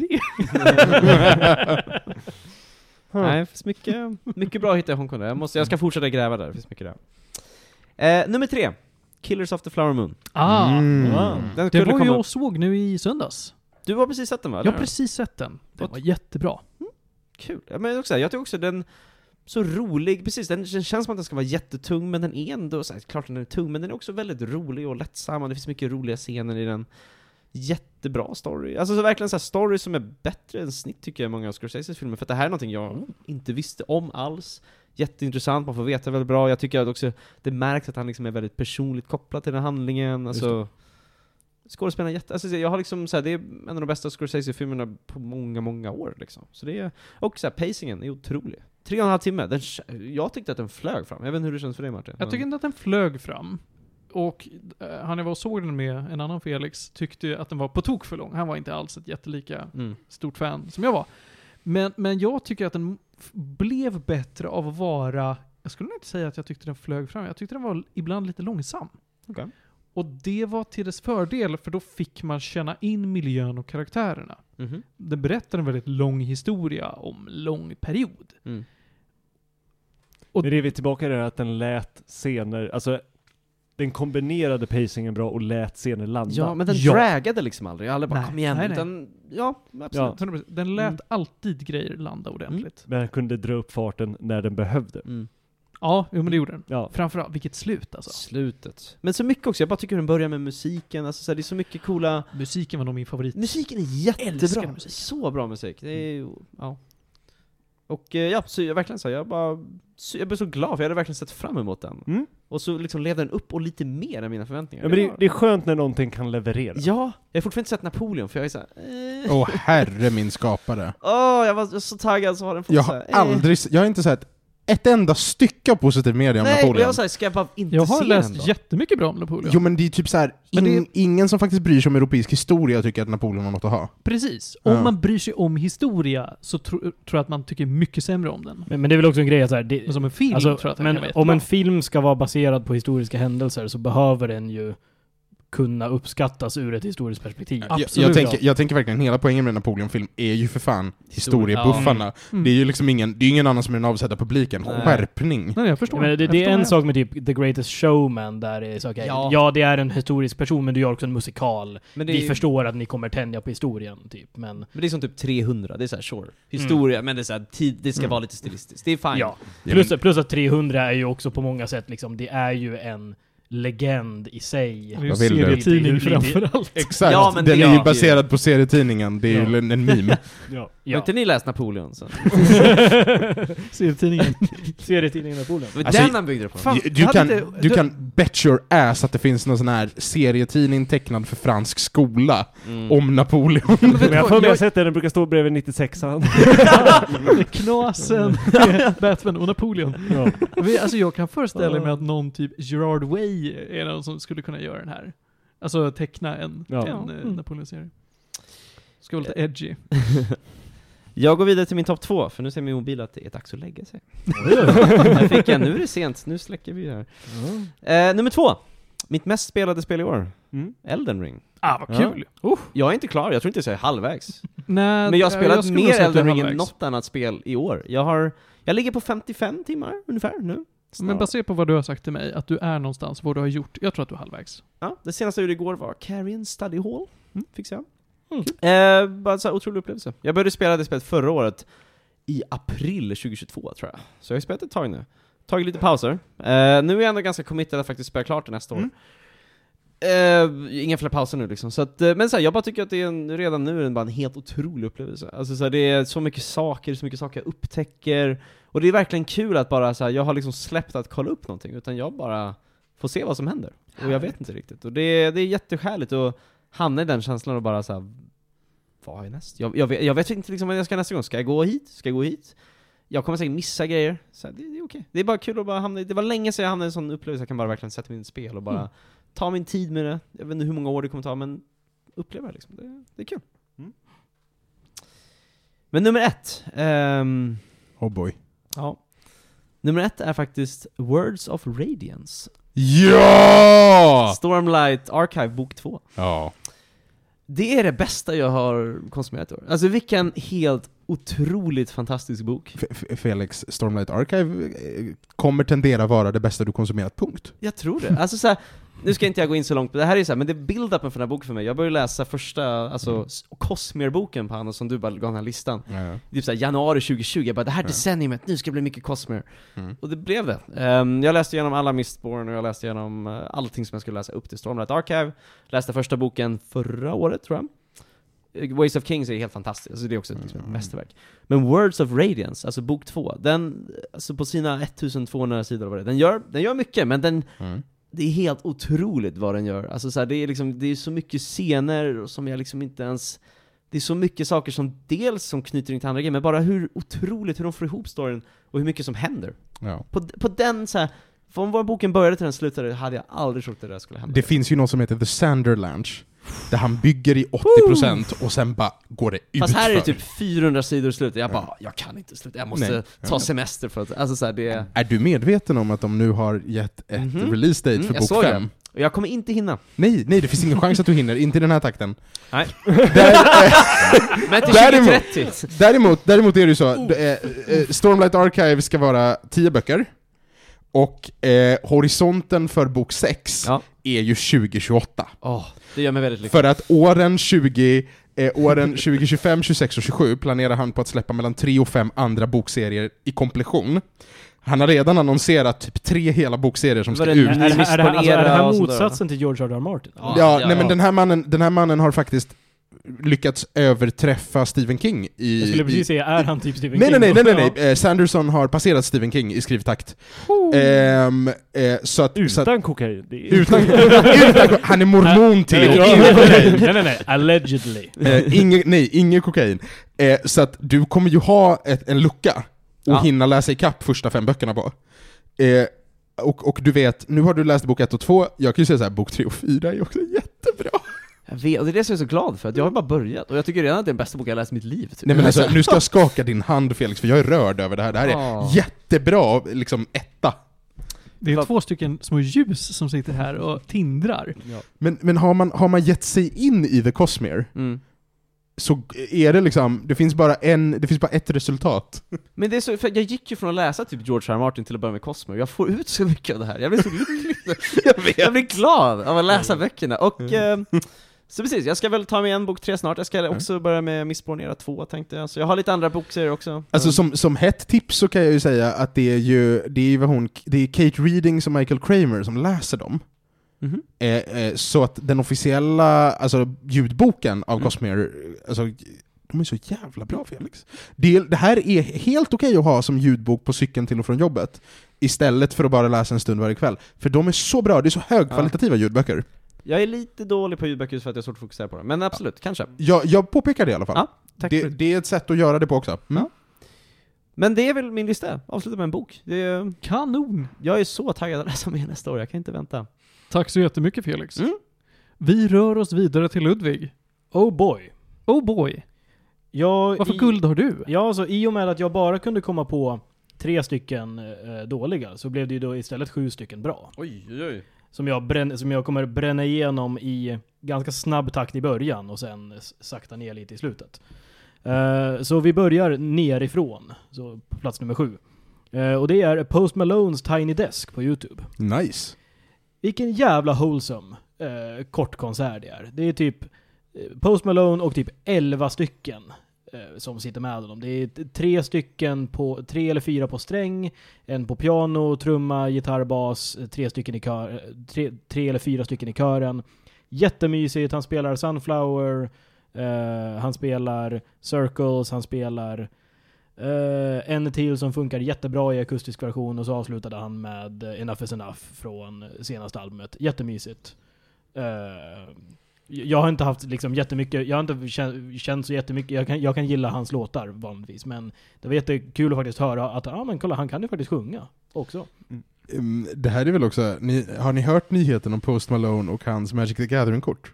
Ja, det har jag gjort. Post Malone har ju i år, i augusti, Mm. köpt det dyraste Magic the Gathering-kortet någonsin för 2 miljoner dollar. Och det är ett kort som har släppts i en upplaga, och det är The One Ring. Det finns ett kort av den, det är en Oh. s- Sagan om ringen spoof, Mhm. och någon har ju den liksom. Ja. Och, eh, la ut, den. och la ut den på försäljning, och Post Malone är en enorm nörd, Ja. in all his wholesomeness, Mhm. och köpte den för groteska mängder pengar. Ja. För det där är ju också, man, man, får en sån jävla, man får en sån otrolig känsla för hur nördig och liksom wholesome han är när han sitter och pratar mellan. För han, det enda han typ sitter och gör är att bara sitta och tacka alla för att de kom dit och tycka att de är så snälla som kommer och liksom lyssnar på honom och pratar om hur bra alla i bandet är och åh jag tyckte det var så snyggt när du gjorde den där grejen där. Mm. Eh, Jättehelsamt. Eh, sen så har vi en bok Mm. på plats nummer sex. Eh, det, här är, det, här var det här var någonting som jag bara kunde ge mig på att läsa efter att jag hade klarat min statistikkurs.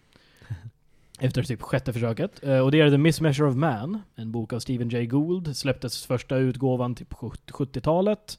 Stephen Jay Gould är en biolog eh, som f- gjorde sig delvis känd för att han vevade med Richard Dawkins om olika typer av om olika teorier i ev- om evolution. Åh, en sån här fundamentalist. Ja, precis. Nej, de, de höll med varandra om i stort sett allting förutom en viss grej. Men eh, han släpper den här boken, Miss Measure of Man, som, fr- som till att börja med hade eh, att göra med hur, eh, div- hur, främst centrerat kring USA, men även lite i Frankrike, hur teorier om intelligensmätande Mm. har eh, försö- att, hur man har försökt hitta teorier. Eller hitta någon sätt, något sätt att mäta intelligens på. Och hur det har misslyckats gång på gång på gång. Eh, och han går igenom alla massa exempel på Eh, vetenskapsmän som eh, är rasister i första hand och vetenskapsmän i andra hand. Och som försöker liksom pusha sin data på olika sätt för att komma fram till eh, sin, den slutsatsen de redan hade från början. En, en, del, en del ganska tung statistik i det, men eh, man, man behöver inte räkna på det själv. Så det är den roliga änden av statistik. Om man så går igenom vad han har jobbat med, Mhm. så är det, ja, men det, är så här, det har att göra med eh, hur, hur bra vi är på att datera fossiler, det är så evolutionslära generellt, det är det här sociobiologin och hur man är emot det och varför. Och så Stephen J. Goulds technical work on land snails. För att han var snigelbiolog i grunden. ja, ja. ja, men det är den liksom. Också wholesome. Ja, Wholesome. väldigt, väldigt hälsam. Eh, och, och sen så slu, slutar det då med att han släpper en, en, en ganska stor uppdaterad version efter att The Bell Curve släpps av Charles Murray och eh, nu glömmer jag bort eh, Richard Hernste- Hernstein. Som är liksom, eh, som har varit liksom the, the, golden, the golden goat för folk som vill säga att, andra, ra- att vissa raser är mindre smarta än andra Mm. eh, senaste, liksom, senaste 50 åren. Och han skrev en, en total liksom, fördömning av den boken och sen började de veva fram och tillbaka med nya utgåvor av sina böcker. Eh, så den här har med då typ tre gensvar på deras uppdaterade version av The Bell Curve också. Mm. Eh, väldigt lärorik bok. Eh, ku- kul att läsa när man, om man inte är så insatt i typ, ja men, vetenskapliga undersökningar och alltså ordentliga avhandlingar. För han går in på väldigt ja, men metodik och hur det här inte funkar att sätta upp en metodik på det här sättet för man tappar de här bitarna och han pratar om sampling bias och han pratar om många olika sätt som man kan misstolka data. Mm. Eh, väldigt bra bok. Verkligen så här vetenskapsman rakt igenom. Ja. Ja. Eh, och eh, jag lyssnade på den uppläst på Audible eh, av en snubbe, jag kan inte hans namn, men det var en väldigt bra uppläsare också. Så det gjorde det lättare, för det är en ganska lång bok. Kul. Eh, plats nummer fem. Eh, tackar Martin för den här. Coherence. Mm. Som vi såg i Polen. Mm. Otrolig mindfuck-rulle. Eh, men jättebra. Uh, såhär, minibudgetfilm. Skådes det finns typ basically inget manus Ja, i nej. början, vilket är jätteintressant för då får man verkligen se organisk interaktion mellan människor. Jag kan avslöja att den här ligger på min lista också. Mm. Oh. Vi- Vilket, vilket, inte är, vilket inte är så vanligt att se i filmer. Eh, den börjar spåra ur ganska snabbt med typ alternativa versioner av, av folk. Mer än så vill jag inte säga. Uh, jättebra film. Just det. På andra plats över eh, manuslöst skådespeleri, Coherence. På första plats, Janitor Scrubs. Ja, Men ja, ja pretty much. Eh, plats nummer tre. Eh, senaste patchen i WoW. Ah. Blizzard... Hey. Okej. Nej, nej alltså Blizzard har fortsatt genom hela Dragonflight att bara lyssna, faktiskt börja lyssna på vad spelare säger igen. De gör, eh, de gör saker lättare för nya karaktärer, de lägger till ett sätt att uppgradera eh, gear eh, som du har fått, så att det inte längre känns ass att göra lägre svårighetsgrader, svårighetsgrader av en raid, för du kan faktiskt uppgradera gearet lite. Eh, de lägger till, det finns inget eh, mandatory content att göra varje vecka, utan det är bara typ cosmetics, eller om du vill få lite bonusgrejer. Nya raiden är fantastiskt bra. Det är en av de bästa raiderna de släppt på länge. Många coola bossar. Eh, den, den gick snabbt att göra, men det tar, tar inte bort från hur pass bra raiden var. Dis Discipline, Discipline Priest fick en rework, och det tyckte jag var kul, för jag har inte kunnat spela den på ett tag. Eh, jag har haft jättekul i den här patchen. Jag har ju satt mig alldeles nyss och skaffat Game Time igen och spelat dels Season of Discovery, Mm. men också tagit ikapp i retail Mm. med liksom content. Och alltså för första gången på väldigt länge är det också bara så här questlines som är kul Mm. och ger exposure och alltså du vet så här. Är jättetrevligt! Ja, Vi, vi är typ på rätt väg. Mm. Ja, men jag, jag känner verkligen alltså, det, här, det började vända i patch 1 9.1.5 i Shadowlands, där de verkligen började, okej, vet ni vad? Vi fuckade upp med den här grejen, och vi förstår att ni tyckte att vi fuckade upp med den, så nu bara tar vi bort det där. Och det där är sånt, något, någonting som de vanligtvis gör när expansionen är slut, tre patcher senare. Mm. Men de började faktiskt, okej, vet ni vad? Det här är, ni har faktiskt rätt här, så vi ändrar på det. Och sen har de bara fortsatt göra det där med fler och fler grejer, och nu till exempel i nästa expansion så har, tar de det gigantiska steget att basically bygga om reputations från grunden så att det ska vara account-wide. Jaha. Det var väl på tiden. Ja, Bara och- tio expansioner Mm. in. Nej, Ja. och, och de har sagt att så här, det som har hindrat oss ganska länge har varit faktiskt eh, en, liksom, ett, alltså att spelets liksom, grund-engine inte har tillåtit det. Eh, så vi behöver, vi, så nu har vi bestämt oss, okej nu bygger vi om det. Vi bara börjar om helt på nytt. eh, och sen så kommer vi retroaktivt fixa det för äldre expansioner. Okej. Eh, Spännande. Så det är bara massa positiv eh, utveckling i WoW just nu. Och det gör Men det är kul glad. när folk lyssnar på feedback. Mm. Ja men exakt. Det, det, må, det, det måste kännas kul för dig att få uppleva det också, eller hur? Ja. Det, det, det- jag, tror, jag tror att det här var en sån här grej, jag älskar när det är så här engine failures, typ Mm. när man byggde League of Legends för 10 plus år sedan eh, och skulle hitta på något sätt, och de först skulle lägga in en champion som heter Vi som flyger fram med sin näve. Mhm. För att få det att fungera i alfafas så var man tvungen att plantera hela kartan med osynliga timos och sen bara en äkta kollision när motståndaren och Vi korsade samma timo. För att de kunde liksom inte få till framesen på spelet. Och det är precis den typen av spagettikod som WoW Mm. liksom har legat på i 15 år nu. Nej men så det är liksom bara en sån där grej som att ja, men om du skulle behöva skicka rep för någonting, eller skicka en valuta till exempel. Då behövde du gå till en vendor, köpa ett paket som är account-bound, och det paketet i sig köper du med valuta, och så innehåller det lite valuta, och sen skickar du det till en annan karaktär, den karaktären kan öppna det och få valutan. Du kan inte bara skicka det, för det, deras engine har bara inte tillåtit det. Så det är många sådana där grejer som de ska fixa. Så, plats nummer tre. Eh, en hel artist, Masego. Ah. Fan, jag har lyssnat så mycket på den här artisten. Han var Din min artist mest... of the year. Han, det var min Artist of the Year. Jag har lyssnat på samtliga av hans, jag tror det är tre eller fyra album. Eh, kan rekommendera alla. Eh, det är en jazz, R&B fusion. eh, som är jättemysig att lyssna på. Eh, han är också featured på lite andra artisters eh, låtar. Uh, Nay Who är låten jag har lyssnat absolut mest på eh, från honom.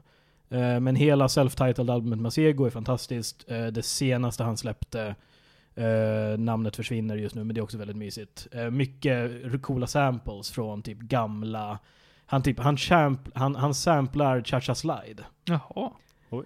Men i R&B tappning till exempel. Jättebra, kan rekommendera. Väldigt mysigt att ha på i bakgrunden eller om man vill sitta och, och, och viba. Och sen har vi mina topp. Och det här, det här var svårt, Mm. för det finns två olika liksom, de- här är bra på helt olika sätt. Den, och jag tänker ta den som är objektivt bäst längst upp. Men jag fick nog egentligen liksom ut mer av den som är på nummer två. Nummer två är hela Barbenheimer. Okej. Åh, Oh. För eh, det, det, jag kan inte separera dem för jag Mm, gjorde det mm. på samma dag. Men hela den upplevelsen var så himla kul. Det var två helt olika filmer, men de var bra, jättebra på sina egna sätt. Eh, jag ska se om på Barbie snart. för nu finns den på HBO. jag har den också på Blu-ray hemma om du vill. Ja, ja men vi, vi, vi kör filmkväll. Eh, Barbie var en jättebra film. Uh, jättekul att se på med kompisar. Man kunde, det var väldigt mycket igenkänningshumor. Bra story, väldigt självmedveten. Oppenheimer är en av Nolans bästa filmer. Och hela scenen efter att de har smält bomben är en av de bästa scenerna han någonsin har gjort. Period. Mm. Skitbra filmer helt enkelt. Eh, och att se dem tillsammans gjorde det. det blev en sån otrolig eh, liksom whiplash. eh, vilket bidrog till upplevelsen. Nummer ett, det, det är Band of Brothers. Ah. Oh. Det är igen, det, det, är väl, det är fortfarande lite färskt, men eh, den, den filmen är... Den, må, Serien. man, man måste, den, Den serien, serien. den serien måste ses. Så enkelt är det. Det, det, är Jag ska tio, göra det, jag lovar. det är tio avsnitt, typ en timme. Eh, om Saving Private Ryan och Schindler's List gjordes, eller om de första 15 minuterna av Saving Private Ryan och hela Schindler's List gjordes till en eh, tio, tio, totalt 10 timmar lång serie, eh, så är det Band of Brothers. Den är obehaglig, den är, eh, du är inte bekväm på något sätt, men det ska man inte vara. Eh, och det är en del av upplevelsen. Eh, och man, man börjar verkligen identifiera med alla personerna där. Eh, och eh, men alltså, den ger så jävla mycket på 10 timmar. den, den ger Den så är otroligt mycket på 10 timmar. Det, helt det är koncentrerat genom Mm. hela serien. Det finns ingen dödtid. Nej. Eh, ja, jag har, jag har ju pratat om den väldigt nyligen, Mm. så behöver inte säga så mycket mer så. Fantastiskt. Har du Vi- sett The Pacific? Nej, men jag har hört bra om den. Jag har, inte, jag har faktiskt inte sett den heller, men den eh, finns ju också på Netflix tror jag. Så. Mm. Tack så jättemycket för din lista Ludvig. Tackar, tackar. Var eh, ordentlig. Ja, Riktigt ordentlig. med struktur och he hela grejen. Ja. Gantt-schema.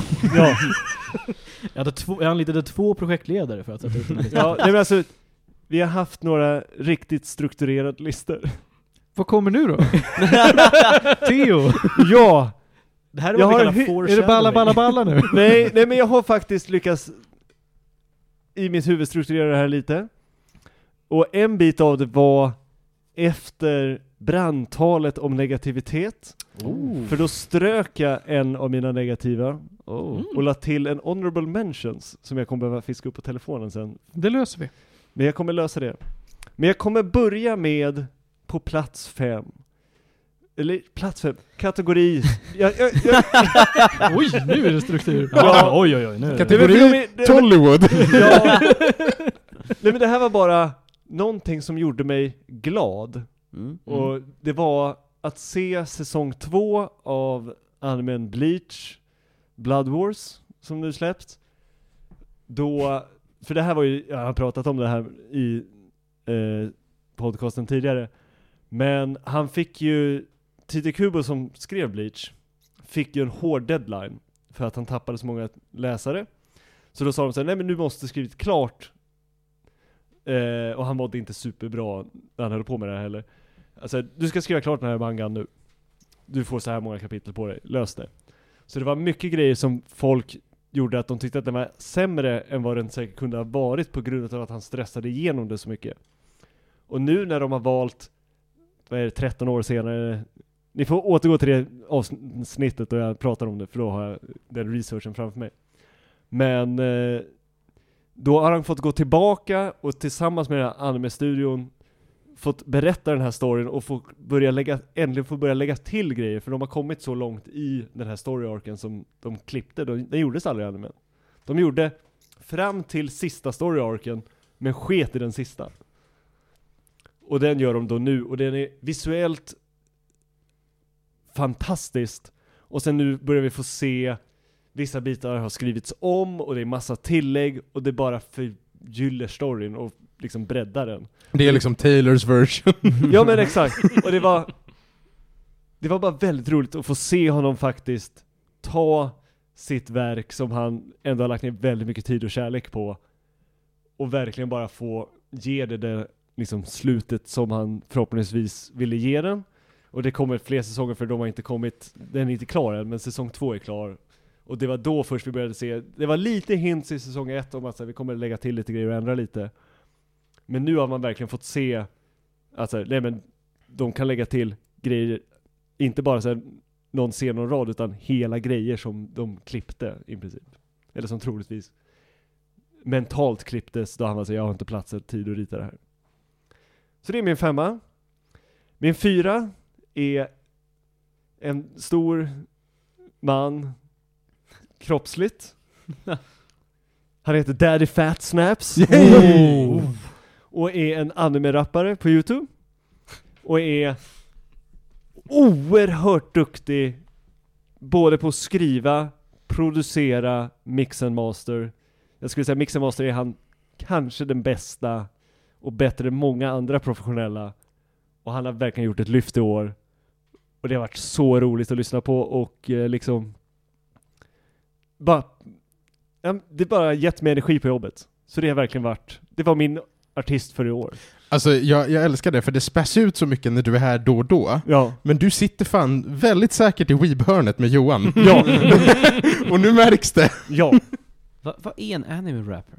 Alltså det är alltså... nej, nej, vad är en anime? Vi Ja, börjar alltså, är han en rapper och en anime? Vad Ja, är nej, en men alltså, tänk dig att du har, du har en rapartist, Ja. och istället för att rappa om fantasier om hur han går runt och mördar folk, Ja. så har han valt att ta en karaktär från en anime, Ja. och så rappar han som om han vore den personen. Jaha, okej, men han är inte tecknad på Nej, riktigt? nej, Han alltså en han rikt- Ja, okej. Han är... Han är verklig Felix. Ja, Det, han är Panos, mycket, det det, här- finns mycket man i ja Daddy alltså det, det, Snaps. det är Okej, före därför- detta okej. kroppsbyggare. Panos, det här, det här är som League of Legends ciphers. Ja, Ja, 100% ja. ja Mm, nej men mm. jag tror alla de här gubbarna började väl som någon sån här rap cypher gubbe då man skrev några rader. Mm. Och nu producerar han hela sånger, han släpper nästan en låt varannan vecka året om. Wow. Det är effektivt. Vi Ja. släpper mer podd. Eh, plats tre. Vilket var årets överraskning. Det är ju Netflix One Piece. Jaha. Ja! Okej. Mm. My- Den, den är värd det. Ja, alltså det var årets för det, det kunde ha gått så fel. Med tanke på alla tidigare exempel. Ja, precis. Enligt all tidigare erfarenhet borde det ha gått åt helvete. Ja! Och den var bara, det var så jävla feelgood. Jag, jag var så glad. Den ska man se. landade. Ja, Härligt att höra. verkligen.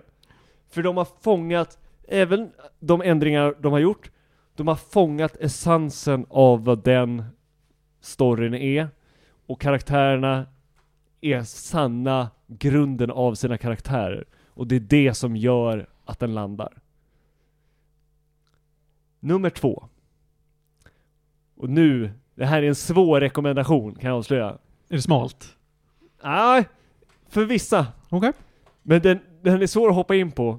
För det här är... Är det en av böckerna i Warhammer-serien? Exakt! ja. Det här är Åh, Warhammer, nej. Siege of Terra, Echoes of Eternity.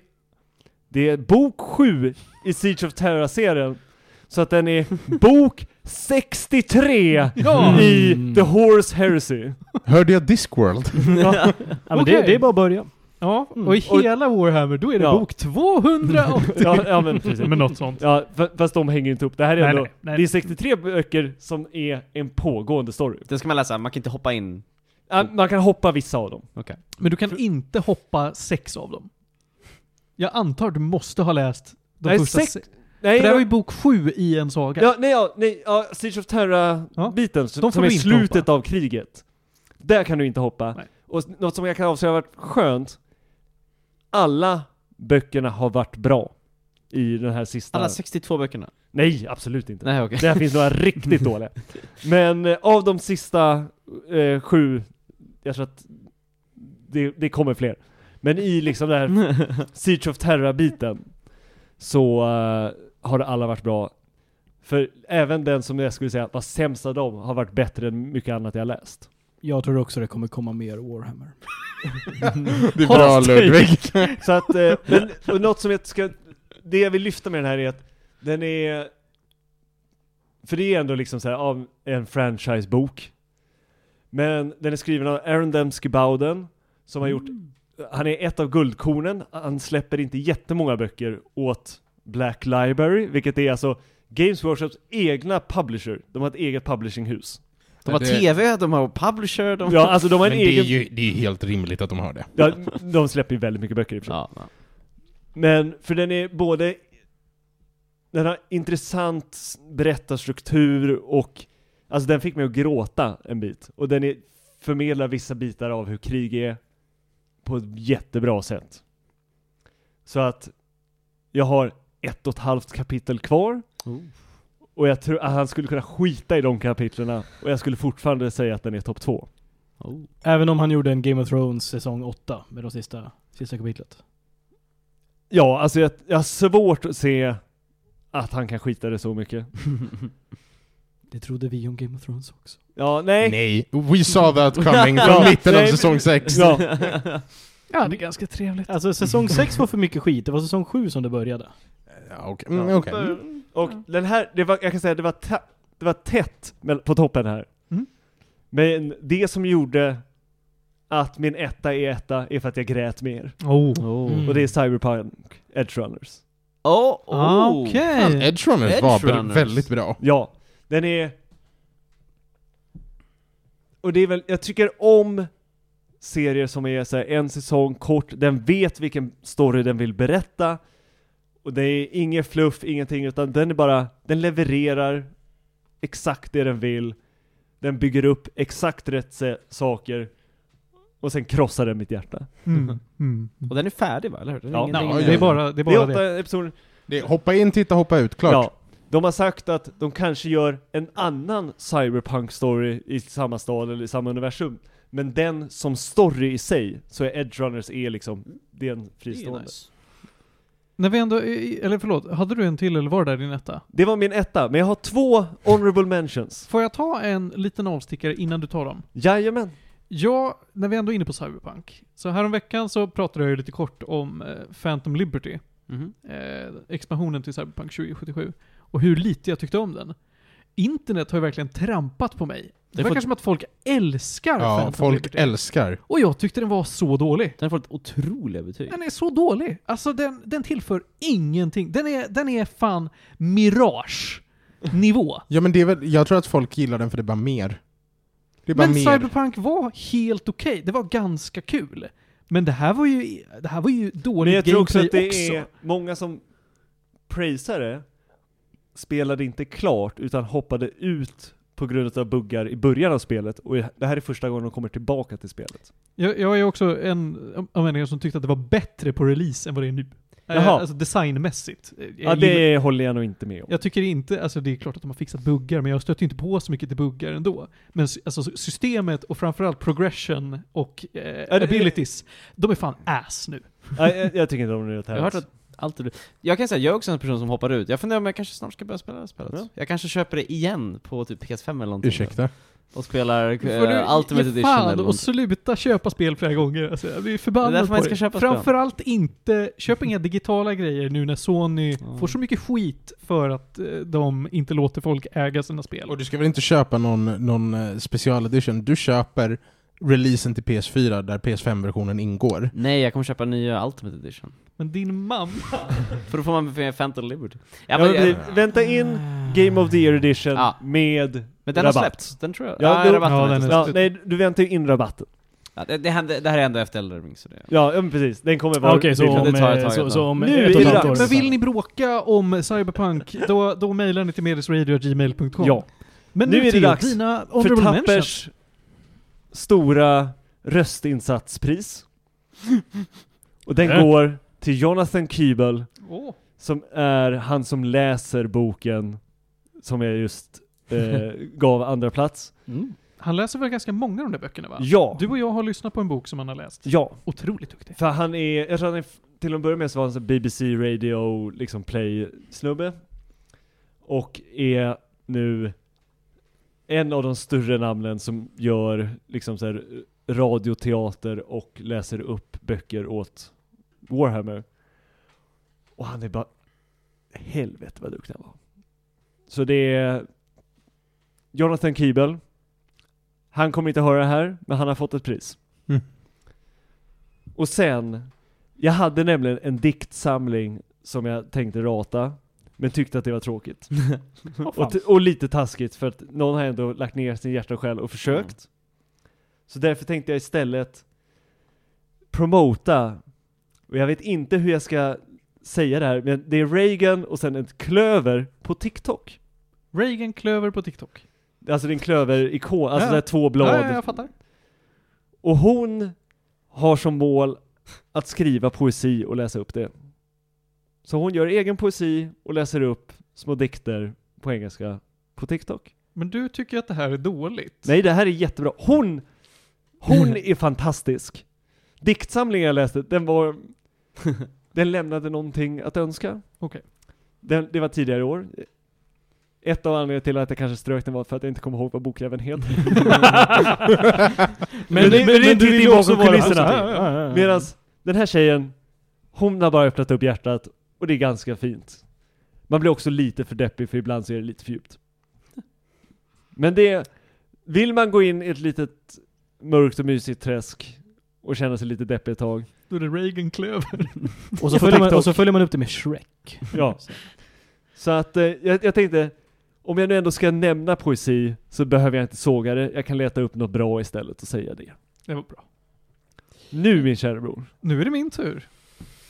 Eh, jag ska skita i mina honorable mentions i in the interest of spara tid. Mm. Eh, för nu är vi uppe i en och en halv timme.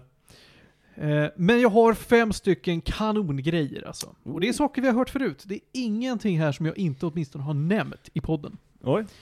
På femte plats, Planescape Torment. Ej. Mm. Du milde vad ett, vad, vad, är, vad är det nu, 25 år gammalt spel-ish, imponerade mig i worldbuilding, i hur kul det kändes att spela det och vilka karaktärer alltså.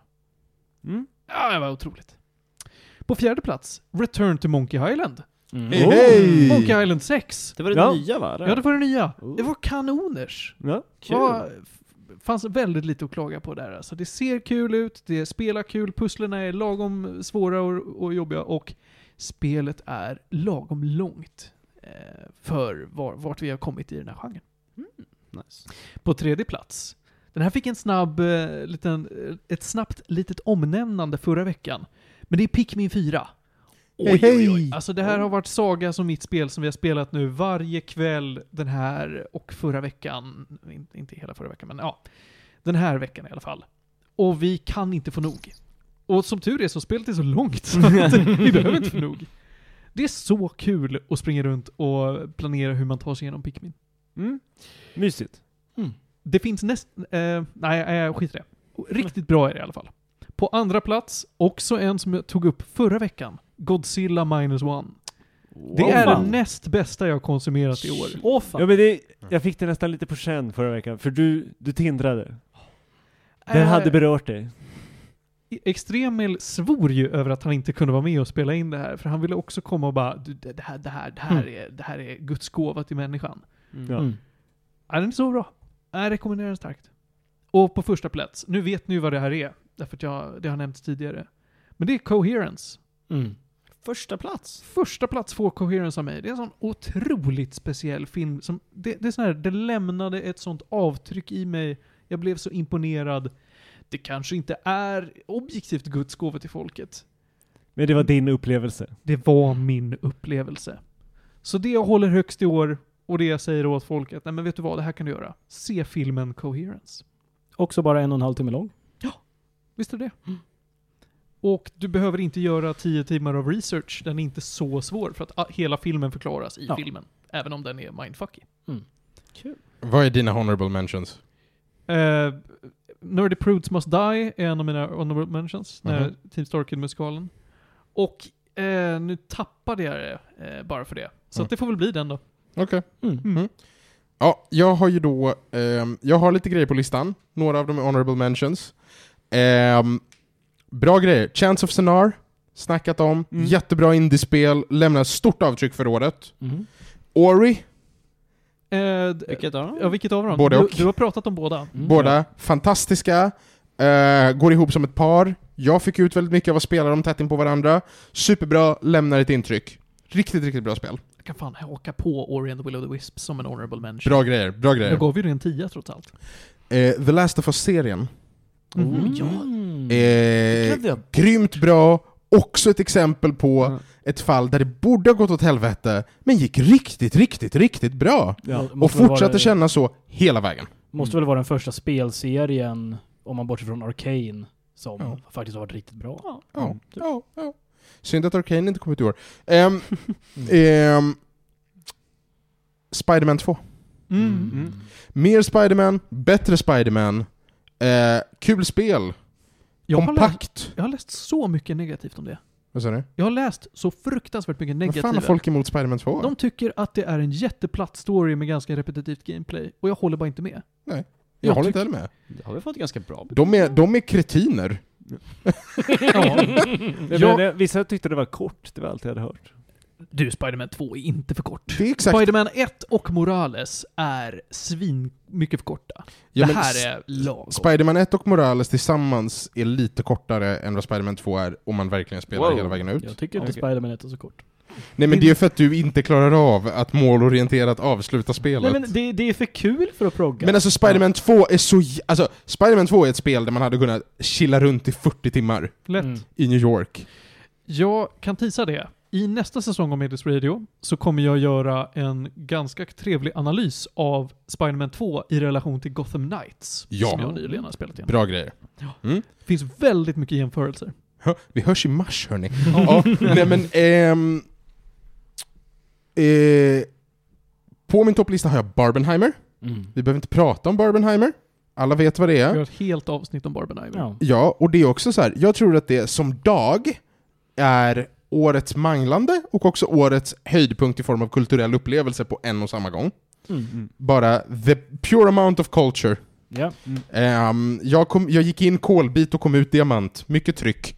Mm. Um, Ologis, Mm. som jag Mm. pratat om Mm. som podd.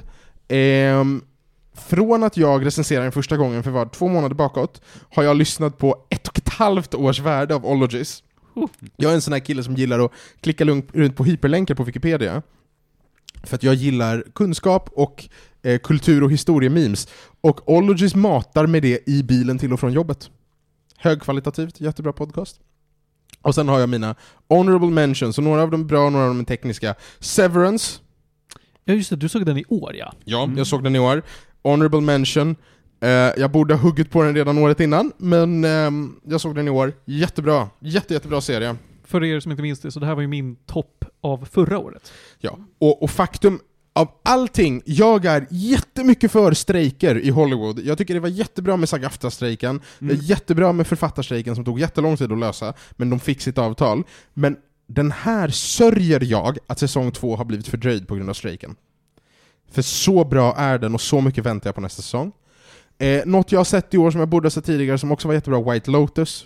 Toppenbra, Mm. skitkul. Och på en ren teknikalitet, för jag spelade klart nästan hela spelet 2022, men jag har spelat några extra minibossar i år och därför tänker jag nämna det, God of War Ragnarök. Mm. Eh, skulle kunna komma att bli mitt årtiondets spel i den här takten, för alltså fy fan vad de... Och de har ju släppt en ny expansion alldeles nyss. Det Som är de. superbra. Precis, den verkar också leverera. Eh, kräver ett honorable mention, verkligen på en teknikalitet i år. Mm. Så mycket kul grejer i år! Jättebra spelår, jättebra filmår. Det har bara, kom, alltså det har bara regnat grejer Ja. Mm. att göra Det är helt och titta på. Det har varit helt otroligt, för, precis som du säger, spel, Ja. film, alltså det, det är helt otroligt mycket som kommer ut. Det- Ja, ja. Eh, och, och, äh, nej, nej, vilket, vilket år 2023 har varit i Mm. form av media. Verkligen. Vilket år! Vilket år? Brandon Sanderson har släppt sina fyra bonusböcker. De kom alla ut i år, ja. De kom alla ut i år, Ja, alla de här självpublicerade. Och eh, som download i och med släppet av den fjärde nu, ja. så skickade han med en helt oväntad oannonserad e-novell. Det kom bara en femte bok sådär. Sådär. Och han hade till projekt som ska bli en serietidning som han bara också skrev andra. Alltså, mm, det har kommit så mycket grejer i år. Ni hör vår glädje. Kom ihåg vad vi började avsnittet med. Saker som var dåliga. Men vips, vad mycket som finns att fira ändå. Mm. Vi hoppas att vi går in i nästa år med förväntningar på lika mycket roligt som händer oss och framförallt saker som kommer som vi inte väntar oss. Det är alltid kul att bli överraskad. Vilka fina listor ni kä- kämpar ihop. Ja. Tack.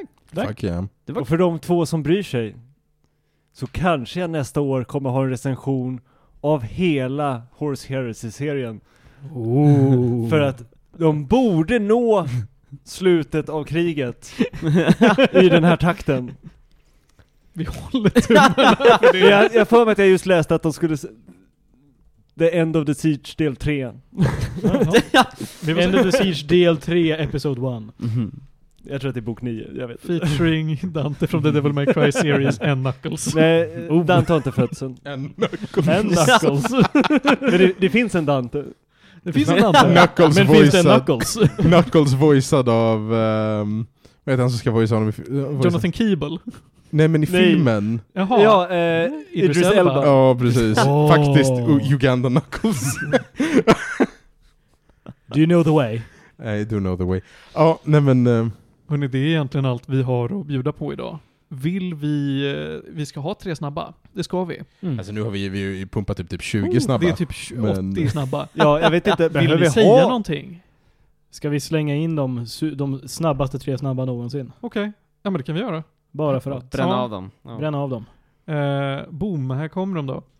Först och främst, eh, jag har eh, tagit, tagit med en gammal klassiker från förr. Det är Kings Bounty-serien som är en spirituell uppföljare till Heroes of Might and Magic-spelen. Eh, jag märkte att jag har spelat igenom spel 3, 2, 3 och 4 men inte ettan. Och ettan fick jag gratis på GOG. Så att... Nu sitter jag och spelar om. Gillar ni Heroes of Might and Magic? Kings Bounty är för er. Finns på GOG. Eh, sen har vi ett album med Tyler the Creator, Call Me If You Get Lost. Call Me If You Get Lost. Eh, lite av en spiritual successor till Flower Boy. Eh, riktigt mysigt.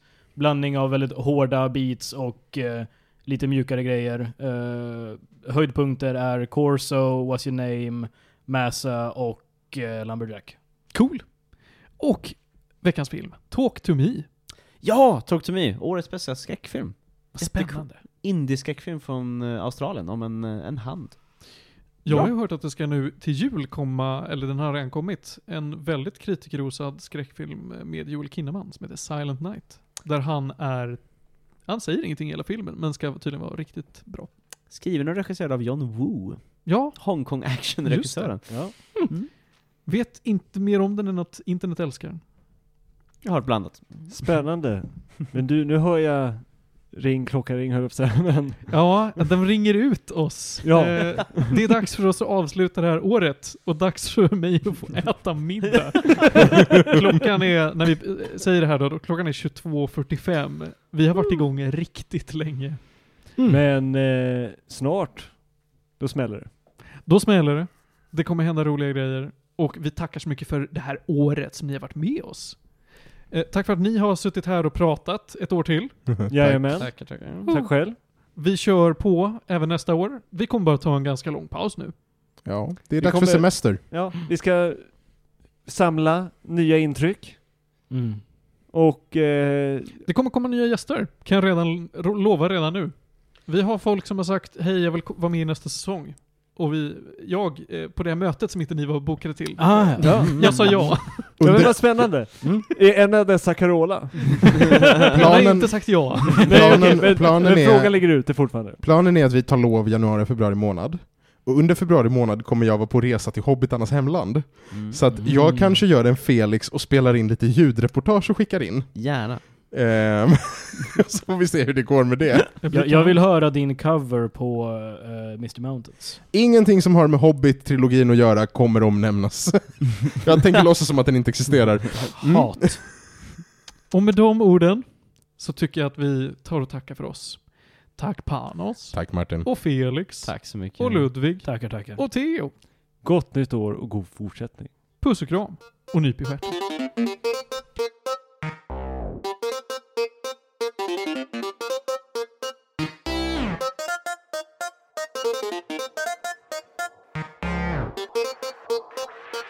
you.